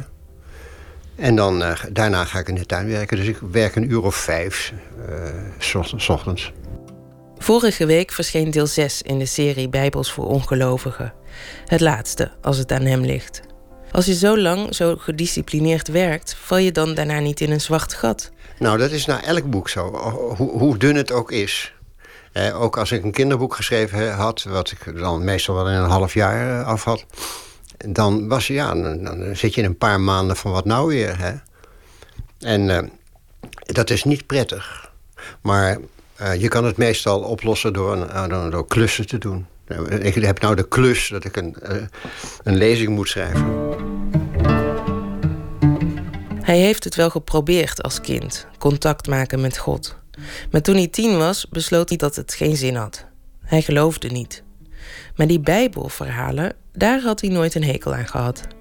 Voor zijn Bijbel voor ongelovigen gooide hij ze helemaal om veranderde van perspectief, haalde hier en daar een wonder eruit en maakte God tot een verzinsel van Adam. Ik uh, laat die ijsberen toch gewoon naar die boot toe komen hoor. Naar die ark toe komen. Dus uh, het is niet zo dat ik alle wonderen uit het verhaal weghaal. Omdat ik net zoals in sprookjes accepteer ik gewoon de irrationele uh, vertelelementen. maar in, andere gevallen haal ik het wonder er inderdaad uit. Maar het is nog steeds zo dat wij veel ideeën ingevingen noemen. Hè? Dat, betekent dus dat wij, dat wij nog steeds vaak denken dat het van buiten komt. Dat het je wordt ingegeven. En dan maakt het dus niet zoveel uit of dat nou komt door de televisie of door God. Dit wordt je ingegeven. De Bijbelverhalen door Kuijer zijn fris en knisperig, alsof ze vandaag bedacht zijn. Meeslepend, actueel en onmiskenbaar Kuijer. Die vrijheid nemen was niet moeilijk of eng om te doen. Op de school met de Bijbel deden de onderwijzers het per slotverrekening ook al zo. Heeft mij als kind al heel vroeg duidelijk gemaakt dat je je die verhalen eigen kunt maken. Dat deden de juffen en die meesters. Heel goed, zij geloofden.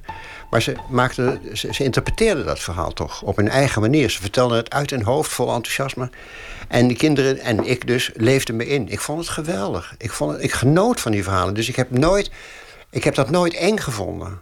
En uh, ik ben, toen ik van mijn geloof viel, ook nooit... Heb, heb, heb ik een hekel gekregen aan de Bijbel. Omdat die verhalen die zijn altijd voor mij in mijn kindertijd... ja, eigenlijk misschien het begin van mijn schrijverschap geweest. Dat ik dat verrek zeg.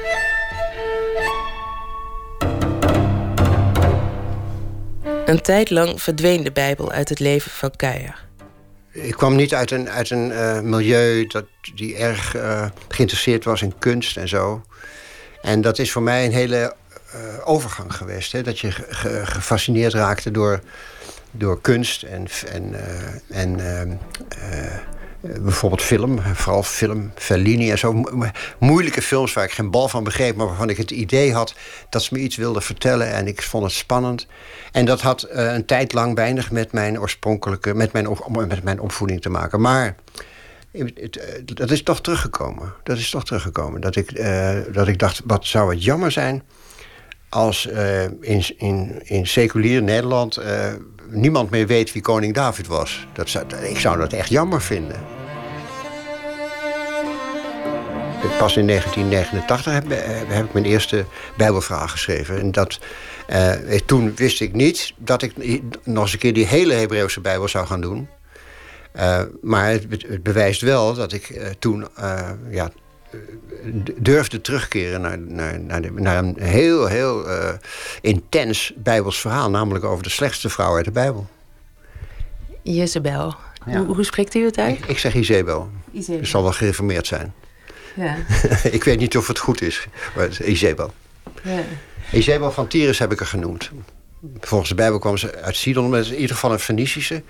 Met een eigen godsdienst. En die, komt dan, die, die trouwt dan met een... Met een Hebreeuwse koning, een Israëliet. Ja, en dan wordt er kwalijk genomen dat ze haar eigen goden blijft uh, vereren. Hè? En dat is, uh, ja, dat, is toch de, dat is het probleem eigenlijk. Voortdurend in de Bijbel hoor.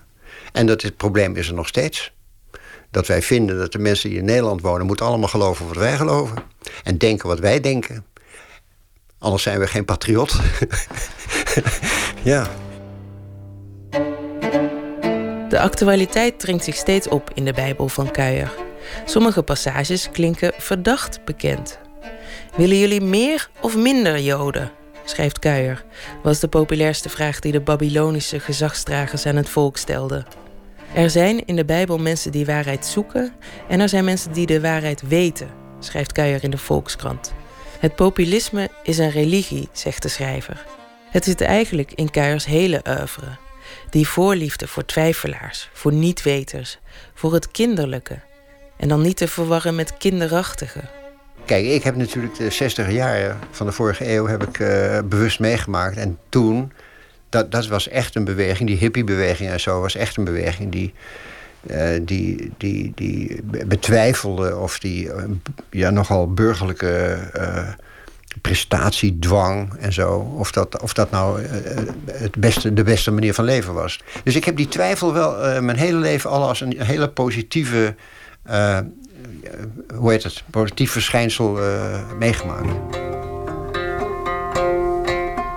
Verhalen kunnen helpen, schrijft Kuijer letterlijk in zijn versie van het Oude Testament. Maar juist met die Bijbel, of die Koran in de hand, is zoveel ellende de wereld ingebracht dat het gebeurt in elke godsdienst, maar ook in elke niet-godsdienst, ook in elke ongelovige wereld. Eh, dat is zo, ja. Dat is zo. Ik, eh, en, uh, dat is natuurlijk afschuwelijk, maar ik denk niet dat sprookjes of verhalen dat doen. Dat geloof ik niet. Het is wel zo dat, ja. Kijk, helpt het? Ja, het heeft mij geholpen, literatuur.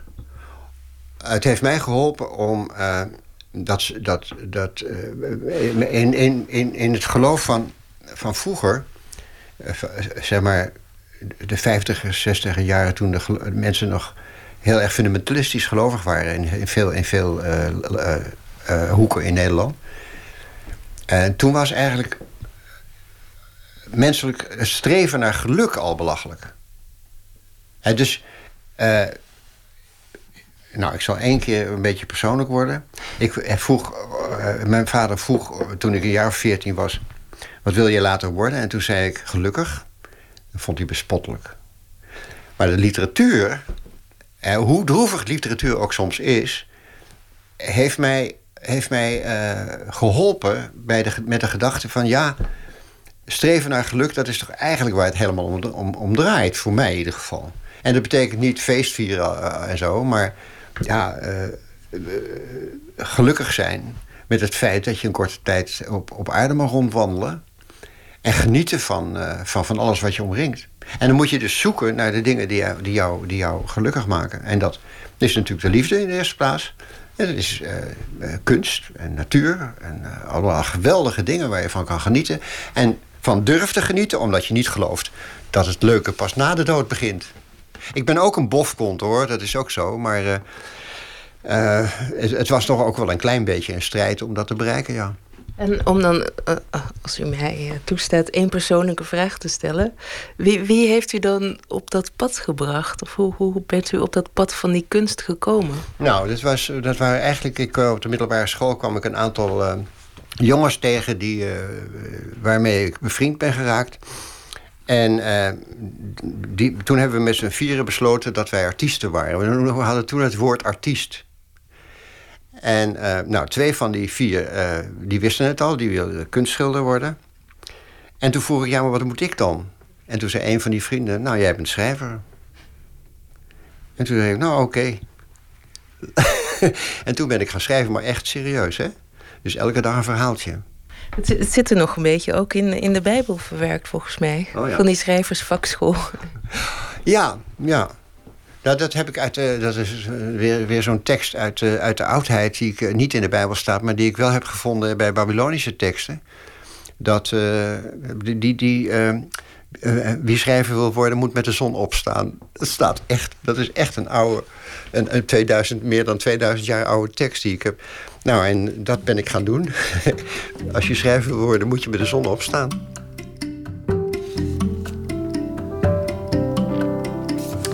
En Colau in gesprek met uh, Guus Kuijer over zijn uh, Bijbelverhalen voor ongelovigen.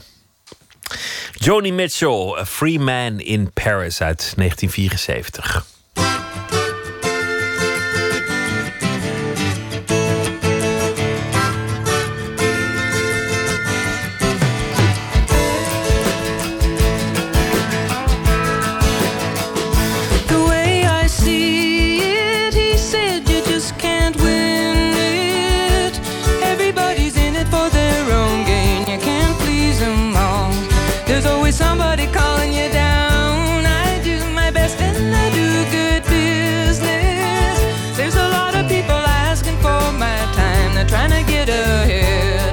Trying to be a good friend of mine.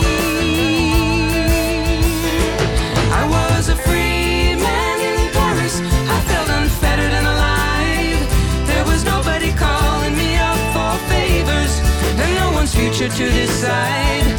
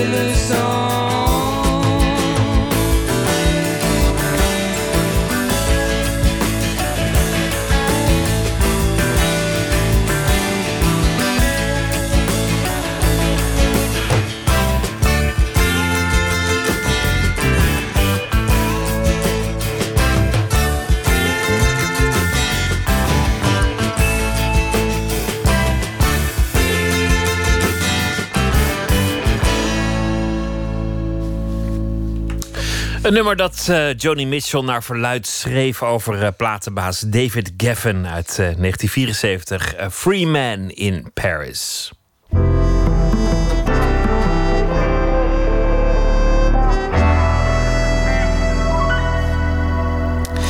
De rubriek heet Open Kaart. Hier staat de bak met kaarten. 150 stuk zijn het er. Ze gaan over werk en leven. Allemaal vragen, sommige impertinent, maar andere gelukkig ook niet. Pianist en muzikoloog Ralf van Raad is hier eh, te gast. Al op jonge leeftijd raakte hij geïnteresseerd in de moderne klassieke muziek. Hij deed conservatorium, studeerde cum laude af in eh, de richtingen piano en muzikologie. En deed ook nog muziekwetenschappen. Reisde de hele wereld over als eh, pianist, vooral bekend vanwege het hedendaagse repertoire. En uh, morgen, vrijdag 21 juli, speelt hij op Wonderfeel. Dat is een uh, festival in de buitenlucht bij uh, in de buurt hier van Hilversum. En daar waagt hij zich aan de klassiekers van de popmuziek Radiohead. Ontdaan van elektronische toevoegingen en de tekst. Rafferaad, hartelijk welkom. Dankjewel. Radiohead, waar, waarom, uh, waarom fascineert die bandje? Het is, uh, het, het, is een band die, uh, die net even buiten de boekjes gaat van wat je normaal in de popmuziek hoort. En dat vind ik erg interessant. als je naar de muziek van Radiohead luistert, hoor je heel veel elementen die je ook herkent in de, bijvoorbeeld de moderne klassieke muziek, de 20e eeuwse, 21e eeuwse muziek en vice versa. Bijvoorbeeld onregelmatige maatsoorten. Hè, dat je net vijf tikt in plaats van vier. Dat het net eventjes alsof je verstapt, zeg maar. Uh, harmonische wendingen die toch wel heel merkwaardig zijn... die je niet in een standaard popliedje hoort... en, en wel opeens bij Radiohead. En uh, minimalistische technieken, dus het, het repeteren van kleine noten... Uh, motiefjes die bekend zijn van componisten als Steve Reich of John Adams, Philip Glass. En die hoor je ook bij Radiohead. Dus ik vond het heel erg interessant om ja, dat te combineren met meer hedendaagse klassieke muziek. Het is uh, muziek die wat spannender is dan de gemiddelde pophit. Ja. Die, die, die zijn voor iemand met een heel muzikologische interesse vaak wat voorspelbaar. Ja, dat, dat is het. Uh, het, het, het popmuziek is, vind ik vaak, vaak heel leuk en aangenaam. Maar dat vind ik vaak een beetje het verschil met de klassieke muziek.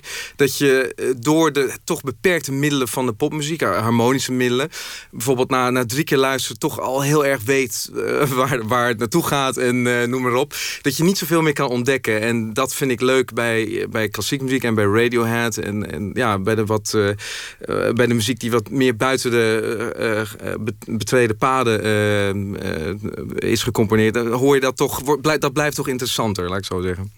Nou is het merkwaardige dat, dat de hedendaagse klassiek het grote publiek een beetje is kwijtgeraakt onderweg. Ja. Een paar uitzonderingen daar gelaten. Dus er zijn stukken waar iedereen voor uit zijn bed komt, ja. maar, maar, maar de meeste niet. Terwijl een aantal bands die daar tegenaan schuren, Pink Floyd, Radiohead, Queen misschien, dat die, dat die stadions vullen. Ja, ja dat, dat is helemaal waar. Nou ja, de moderne muziek, eigen muziek, is in de jaren, nou zeg maar net na de Tweede Wereldoorlog, dus jaren 50, 60, is wel een heel extreme kant op gegaan. Waarbij toch de parameters, zal ik maar even zeggen, die uh, ons muzikale bewustzijn altijd hebben gevoed. Dat is uh, natuurlijk een, een, een, een doorgaande puls die je in ieder geval kan, kan voelen en kan volgen. Um, het, het blijven binnen een min of meer traditioneel uh, schema. In ieder geval harmonieën die, die prettig zijn. En het idee van melodieën. Alles werd in die avant-garde eigenlijk overboord gezet. Er was geen enkel uh, hou vast meer voor een, een, een zeg maar doorsnee luisteraar om je aan vast te klampen. Om te denken van, hé, hey, waar, waar brengt die muziek mij naartoe? En ik, de, die, bands die je noemde, die hebben natuurlijk allemaal geëxperimenteerd... met heel veel uh, nieuwe harmonieën, nieuwe, nieuwe elementen in de popmuziek. Maar zijn toch altijd één van die elementen wel trouw gebleven. Minstens één. Dus al werd het, uh, de, de harmonie even vreemd... dan zorgt het ritme er over het algemeen wel voor... dat je toch bij de les wist te blijven. En dat maakt het denk ik sterk. Terwijl uh, avant-garde, sommige avant-garde muziek vind ik ook sterk... maar dat, ik ben inderdaad ingeschoold... dus ik weet ongeveer wel waar ik op moet letten. Maar ik kan me voorstellen dat dat zonder enige achtergrond... dat je echt de weg kwijt bent en dan verlies je je publiek. Zijn er momenten dat jij uh, de weg kwijtraakt bij hedendaagse uh, um, kunstmuziek? Jazeker. Uh, nog steeds. ik denk dat het belangrijk is met, met sommige hele complexe hedendaagse stukken... dat je inderdaad er wat van weet. En ik moet eerlijk zeggen, soms als ik ook niet weet waar het over gaat... dan kan ik er niks mee. Als ik een stuk van, deze componist, Xenakis... die is inmiddels overleden, maar die schreef muziek... dus eigenlijk wiskundige en architect... en die paste al zijn wiskundige formules over... over over eh, kansverdelingen, uh, poissonverdelingen, noem maar op. Allemaal op, op noten toe. Ja, dan krijg je een, een, een bijna kakofonie van geluid. Nou, als je niet weet wat die man eigenlijk wilde doen... dus bijvoorbeeld het, het simuleren van een regenbui... maar dan gespeeld door een orkest... nou, dan weet je echt niet, dan weet je echt niet waarover, waar je naar moet luisteren. En dat, dat heb ik ook bij dat soort componisten. Zodra ik niet weet waar ik naar moet luisteren. Dus het is, het is nog steeds... Ja, het kan heel pittig zijn, dat, dat is zeker waar. Maar de, de reward, wat is dat? De, de, de beloning. De beloning uh, die je krijgt als je wel, uh, als je open staat voor die muziek en uh, toch kan voelen, al is het maar op een heel bazaal niveau, wat de muziek wil, dan kan het toch heel indrukwekkend zijn en overweldigend. Al snap je niet alles, maar het kan gewoon heel overweldigend zijn. Je moet het dan zien als een, een, sonische ervaring, zou ik maar zeggen. Dus een, een, een audio-ervaring. Niet zozeer als muziek van ik ga even ontspannen, ik zet hem op uh, op de achtergrond. Nee, dan, dan moet je het beleven. En, en dat kan ook heel veel waard zijn, vind ik. Vooral in een concertzaal vind ik altijd. Als, je, er, als je erbij bent, als je, het, als je het helemaal ervaart. Absoluut, ja. Dat, dat is een, een belangrijk onderdeel ook van de muziek. Soms is die muziek ook geschreven op de echte uh, virtuositeit. Hè? Dat het gewoon spectaculair is om iemand zo krankzinnig veel noten te zien spelen. Of het nou een orkest is of een solist of, uh, of een klein ensemble. En als je dat uh, op een cd hoort, ja, dan krijg je toch die dimensie niet mee. Terwijl dat zo ingecomponeerd is, zeg maar. Het effect van, van, ja, die, van het spectaculaire, van de indruk die dat al maakt. Dus ja, het is nog steeds heel belangrijk, denk ik, om naar concertzalen te gaan. En hier ga jij dus Radiohead laten horen, maar op een, op een heel andere manier. Zonder de tekst, zonder de, de band. Ja. Maar je gaat echt als een, als een, een klassiek muzikus laten horen wat, wat er spannend is, wat er virtuoos in is en wat er harmonisch zo ontzettend intelligent aan is. Ja, dat klopt. Dat is natuurlijk, uh, ik, ik moet zeggen, dat vind ik heel erg pleiten voor de muziek van Radiohead. Dat als je dus alle uh, interessante sound effects en zo, waar ze toch met name tijd heel erg bedreven in zijn geraakt, die, echte sound van Radiohead, als je dat eruit haalt, ja, wat, wat, wat hou je dan nog over? En dan nog weet je muziek mijns, mijns inziens te, boe te boeien. Het grappige is, het is net als met Bach. bij Bach zie je, als, als je een partituur van Bach ziet, de, de noten, de bladmuziek, dan zie je echt alleen maar noten. Er staat niks bij soms staat er niet eens een instrument bij. Dan zijn het pure noten. En ja, wat je er ook mee doet, of je nou bij spreken totaal tegen de traditie in speelt, dus verkeerde tempi, uh, verkeerde dynamieken, noem maar op, dan nog blijft het goed. En dat is ja, volgens mij een kenmerk ook van hele goede muziek. Dat er zit iets in wat magisch is. En bij Radiohead is dat ook absoluut zo. Ze, ze speelde laatst in, eh, in Nederland op het festival Best Kept Secret. En uh, de VPRO heeft het ook opgenomen en, en mocht het ook online zetten. Ik geloof met een beperkte duur. Mhm. Dat was onvoorstelbaar. Ik heb dat helaas moeten missen, maar ik kan me dat meteen voorstellen. Ja, ja. Het is heel knap hoe ze dat, dat live uh, neerzetten. Laten we beginnen met de vraag en dan komen we iets meer over jouzelf uh, ook te weten, hopelijk. Ja. Trek een, eh, een vraag als je wil. Ja. Nou, ik ben heel benieuwd. Wat is volgens jou de beste plek om te wonen? Mm. Dat is, uh, dat, dat is een hele goeie. Uh, ik, ik moet zeggen, ik ben ontzettend blij waar ik woon. Ik, je kan heel veel zeggen over Nederland.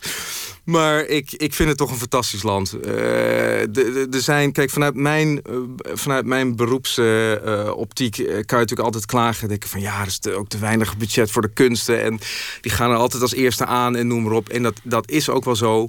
Maar we hebben het toch nog altijd heel goed hoor. Verhouding tot, tot heel veel andere landen. als, ook als, als muzikus, als kunstenaar als, als mens, uh, ik, ik heb het nu weer meegemaakt in mijn, in mijn familie. Iemand, uh, een, helaas uh, jong iemand, een, een tiener, die, die aan kanker leed. En ehm, dan ben je toch heel blij als je in Nederland woont. Ze is binnen nou ja, aanzienlijke tijd daarvan genezen. Heeft alle hulp gekregen die ze, die ze kon krijgen. zelfs op haar school op de, op, wordt ze geholpen. krijgt ze echt extra lessen, noem maar op ik vind dat toch fantastisch. En uh, ik, ik, ik, ik, ben daar heel blij mee. Ik moet eerlijk zeggen, voor mij zijn er nog steeds, ondanks het weer... er zijn er nog weinig alternatieven uh, om, uh, om, om, om voor te verhuizen. Neem nog een kaart. Even kijken. Wat is je favoriete gereedschap? nou, dat is heel simpel. vanuit mijzelf gedacht is dat echt de vleugel. de piano. De piano is gewoon het mooiste instrument. En, ja, ja het, is, het, is, het is gereedschap omdat uh, in wezen... Het, het, is natuurlijk een instrument. Maar het is, het is een verlengde van jezelf. En ik denk, goed gereedschap... Gereedschap kan alleen goed zijn als het, een, een, als het precies doet... wat jij zou doen als het onderdeel van je lichaam zou zijn. Denk ik. Een, eh, een goede, een goede boor, om het zo maar even te zeggen... dat is, dat, is een, dat is een boor die precies doet wat je wil... die goede snelheid heeft en goed kan doordrukken... en niet stopt op het moment dat je niet wil, noem op. Daar kan ik me iets bij voorstellen. Een krachtige. En ehm, eh, eh, voor mij is de vleugel een manier om uh, toch mensen bij elkaar te brengen. Maar als ik het heel, heel egocentrisch zou zeggen... dan is het puur om, wat een beetje clichématig is... maar toch om je, met je, gevoelen, om je gevoelens een plek te geven. En daar heb je dus iets voor nodig. En dat is, dat is voor mij de vleugel. Dat kan natuurlijk voor een zanger zijn dat ze stembanden. Ehm, voor iedereen is dat, dat persoonlijk. Maar volgens mij is een, een instrument... Het beste gereedschap voor iedereen om met jezelf in het reinen te komen en uh, je gevoel een, een, plek te kunnen geven. En met, een, met, een, met een open mind, zonder al te veel frustraties, et cetera, het leven door te kunnen komen. Nog een vraag. Ben je vatbaar voor verslavingen? Ehm, ja, ik denk, ik denk het wel. Ik heb een paar uh, sins, om het zo maar even te zeggen. Mijn grootste verslaving is muziek. Ik moet zeggen, ik, uh, ik wilde eigenlijk ook deels voordat ik naar het conservatorium ging naar de universiteit. Dat was eigenlijk, nou, ik wilde eigenlijk, zoals veel jongens waarschijnlijk en meisjes ook, ehm, de vliegerij. Ik wilde piloot worden. En daar was ik heel serieus in. Ik, ik had vliegles op mijn veertiende en noem maar op. Maar uh, ik speelde ook piano. En die piano was vanaf mijn zevende was buitengewoon belangrijk, maar ik had het niet door. Dus ik speelde uren per dag. Uh, maar ik had er echt nooit aan gedacht om een beroep ervan te maken. Maar ik vond het gewoon zo ontzettend leuk. En eh, het vliegen vond ik ook fantastisch. Maar ik merkte op een gegeven moment, ik was 16 jaar, ik deed een, of 14 jaar, ik deed een zweefvliegkamp. Ik deed toen een zweefvliegen. En ik zat daar twee weken op het vliegveld van Hilversum. En ik vond het fantastisch. Maar ik, ik begon een verschrikkelijke eh, ik begon verschrikkelijke uh, ontwenningsverschijnselen te krijgen. De afkikverschijnselen van het feit dat ik niet kon spelen. En dat was voor mij wel een, eh, een, een, een, een heel erg een eye-opener, moet ik zeggen. En ik wilde, ik kon eigenlijk niet wachten tot dat kamp, hoe fantastisch het ook was, maar afgelopen was, zodat ik naar, die, naar, naar, naar mijn instrument kon. Dus toen dacht ik, ja, uh, ik, volgens mij ben ik echt verslaafd. En die verslaving trek je er... Ik, ik heb het niet kunnen weerstaan. die was te groot. En uiteindelijk heb ik uh, toch besloten... nou ja, ik ga naar het conservatorium en ik maak mijn beroep ervan. Dus ja, ik, ik heb zeker verslavingen. En andere verslavingen zijn voor mij nog altijd helaas maar zoetigheid. Dus ik, ik kan me... Ik, ik drink geen alcohol, moet ik zeggen. En ik drink geen koffie. Dus ik heb een paar hele obvious verslavingen. Daar heb ik niks mee. Maar, maar, maar, maar snoepgoed. Ja, sinds, sinds mijn vijfde of zesde jaar zijn mijn smaakpapillen hebben zich geloof ik niet meer echt verder ontwikkeld. Je kan me er heel blij mee maken. En uh, het vliegen is ook nog een verslaving. Ik... Want dat, dat, heb je eh, vrij serieus opgepakt, hè? Dat, dat, dat vliegen. Ja, dat klopt. Ja, uh, ik, ben er, ik heb dat toen twee jaar gedaan. ik moet eerlijk zeggen, um, elke zaterdag toen ik op het veld stond om te vliegen, ja, bekroop me weer het gevoel, ik, ik moet spelen. Want natuurlijk van maandag tot met vrijdag zit je op de middelbare school. Dus in het weekend was vooral mijn tijd om te spelen. Dus ik heb uiteindelijk moeten denken... ik kwam toen ook bij mijn docent Ton Hartsuiker... helaas inmiddels overleden. Die was toen directeur van het conservatorium van Amsterdam. En die zei, je, je moet dat vak in. En uh, ja, hij maakte me zo enthousiast. Dus, en bij hem had ik ook altijd les in het weekend. Dus het werd me ook... Ik moest een keus maken. Dus het werd de muziek. En ik heb toen een jaar of... Ja, nu zeven jaar geleden ben ik toch weer in de op... Of toch weer, toen heb ik uh, de opleiding tot motor... Uh, tot privévlieger op motorvliegtuigen gevolgd. Heb me buffet gehaald. En ja, dat is nu ook een verslaving. En, uh, die, dat is het motorvliegen. Dat doe ik uh, eens in de twee weken. Waar, waar vlieg je dan heen? Of vlieg je niet ergens heen? Ja, zeker. Ja, ik, nou, ik heb nu vorige week, of begin deze week nog gevlogen naar, ehm, eerst naar Groningen om iemand af te halen. dus geland op Groningen Airport. en die heb ik naar Rotterdam gebracht. daar geland tussen de, tussen de 737's door. is hartstikke leuk. En toen terug naar Lelystad. Dat is mijn, mijn thuisbasis, zeg maar. Maar ik ga ook naar Antwerpen. Er zijn veel veldjes in Duitsland. als ik in Amerika ben, dan vlieg ik in Amerika. Want het buffet is wereldwijd geldig. in Frankrijk vlieg ik als ik daar op vakantie ben. Dus vanuit Nederland naar allerlei plekken. En, en ook als ik dus in het buitenland ben. ja, dat is weer die verslaving. Dan, dan zie je iets in de luchtnetje. Ik ga nu eens een keer al mijn tijd aan mijn vriendin besteden bijvoorbeeld. Maar dan, dan zie je toch weer dat vliegveld. En dan wil je daar toch weer heen. Dus, maar goed, dus ja, ja, het zijn toch echt wel meerdere verslavingen.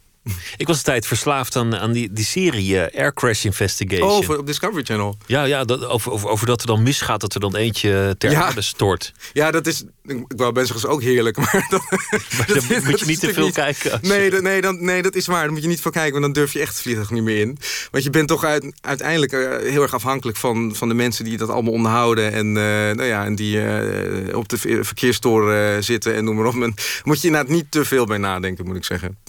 Zullen we nog één vraag doen? Ja, leuk. Ja, wat wilde je worden toen je 13 was? Uh, piloot. Ja, ja, precies. Eigenlijk eerst heb ik vraag beantwoord. Ja, ik wilde echt piloot worden. En met als alternatief uh, microbioloog. Maar dat, uh... oh, dat, dat vind ik ook wel een mooi vak. Ja, dat, dat, dat, is, dat is super boeiend. Dat leek, leek me zo mooi. Ik, de mysterie van, nou ja, van, van, eh, van, van ruimtevaart en van luchtvaart vond, vond ik fantastisch eigenlijk dingen die voor mij ongrijpbaar zijn. Muziek is ongrijpbaar. En ja, al heel lang, vanaf kinds af aan, eh, was ik geïnteresseerd in alles wat met bacteriën en, en dat soort zaken te maken had. Dus uh, en ik mocht een keer mee met, met iemand, een vader van een klasgenootje, die was microbioloog bij het AMC. En dat vond ik zo boeiend om, uh, de, om een wereld te ontdekken die je niet kent, maar die er gewoon is. En ja, volgens mij heeft het, als ik er nu eigenlijk over nadenk, best wel wat te maken inderdaad met, met, met luchtvaart en met muziek. Het zijn allerlei vrij ongrijpbare dingen die, uh, die mij, net als uh, religie en dat soort zaken, die ik ben zelf nooit religieus opgevoed, maar die me ook wel heel erg boeien, moet ik zeggen. dat, soort, dat soort zaken. Ja, alles waar je vinger niet op kan leggen, daar, daar wil ik gewoon meer van weten. En ja, microbiologie was er voor mij één van. Morgen te zien op Wonderfeel Festival voor uh, klassieke muziek op landgoed Schaap en Burg in Schravenland. En dat uh, festival is het hele weekend met uh, de stukken van Radiohead. Dankjewel, Ralf van Raad. Graag gedaan. The lights were low enough, you guessed.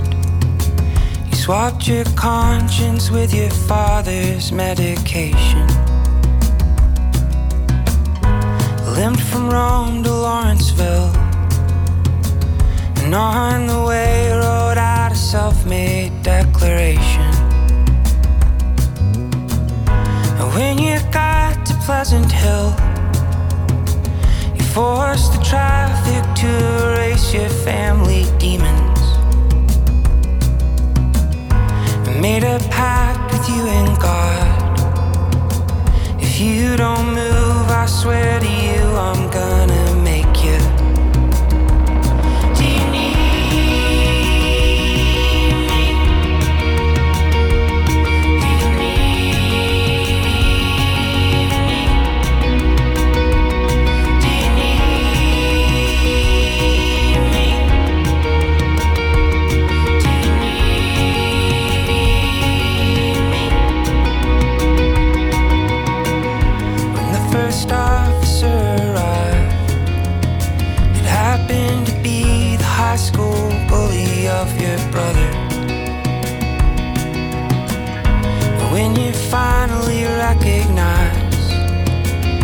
felt some guilt that you would even let him touch you. Can you hear me? What's your name? You could not speak, just laid amazed at all the damage. As the high school's letting out, all the kids saying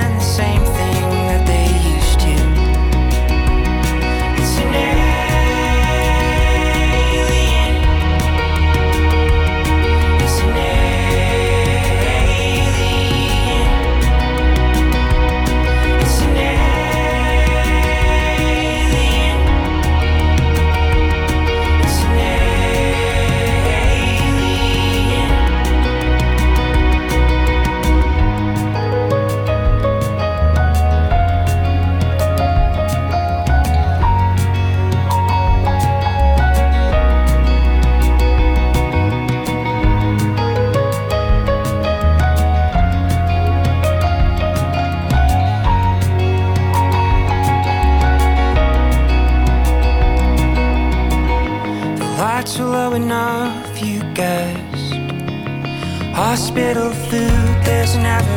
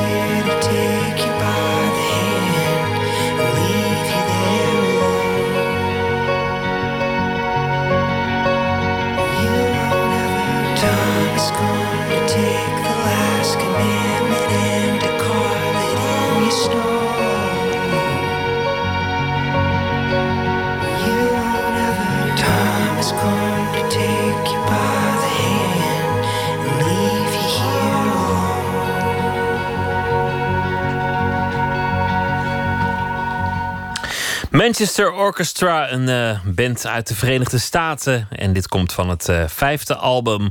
En het heet The Alien. Eén minuut, een reeks verhalen in 60 seconden. Deze heet Bui. Pst, één minuut.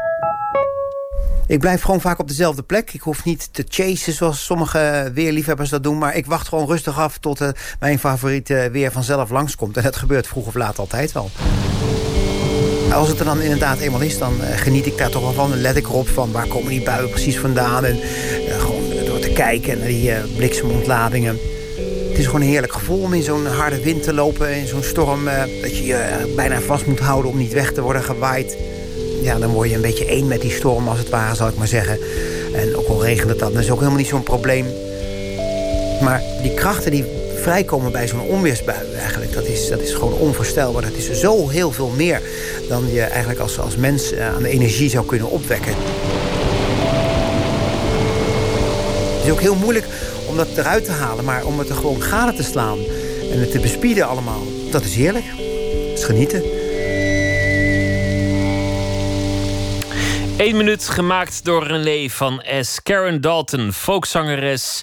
In de jaren 60 uh, leefde ze in de muziekscene van New York. Ging op met mensen als Bob Dylan. En dit nummer heet In a Station.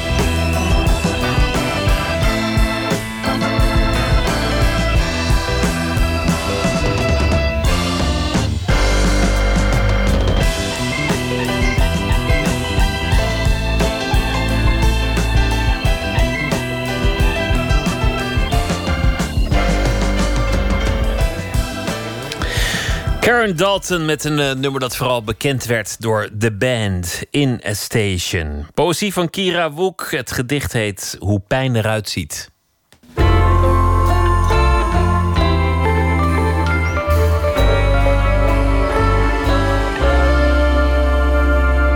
Hoe pijn eruit ziet. 1. Mijn vader had een nieuwe vriendin, een Afrikaanse kickbokster met stekeltjes. Ze liet mij zien hoe sterk ze was door de deurklink met één hand omhoog te buigen. Ik was onder de indruk, zag hoe de spiertjes in haar nek zich oprolden. Je zal dit een situatie kunnen noemen. Toen ze onder de douche stond, wilde ik haar de cavia laten zien die ik net gewassen had. Ze zei dat ik haar met rust moest laten, dat het een excuus was om haar naakt te zien.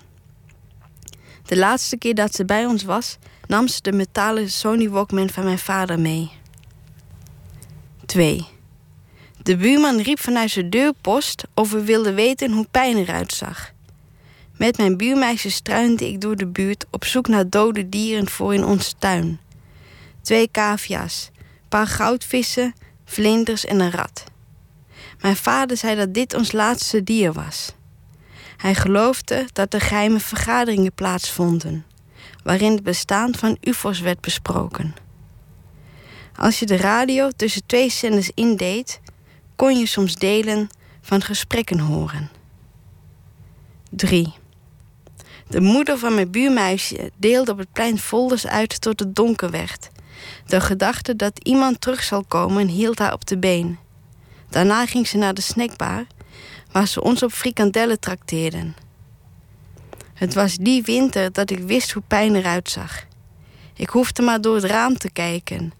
Sneeuw dempte al het geluid, wiste alle sporen uit.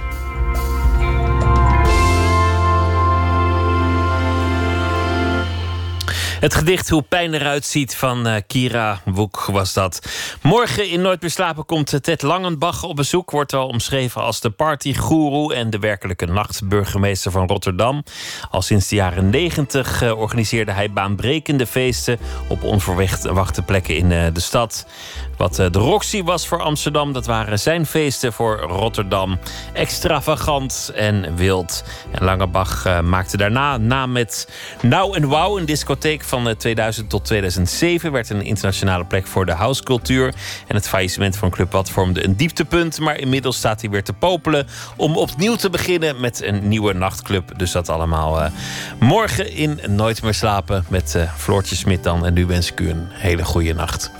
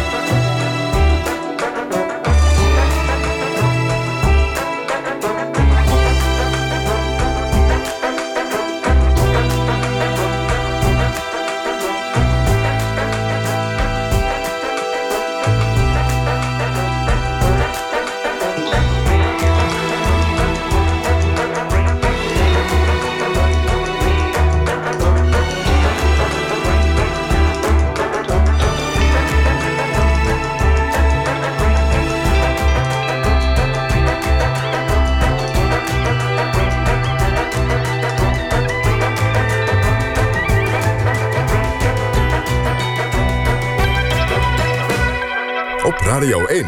Het nieuws van alle kanten.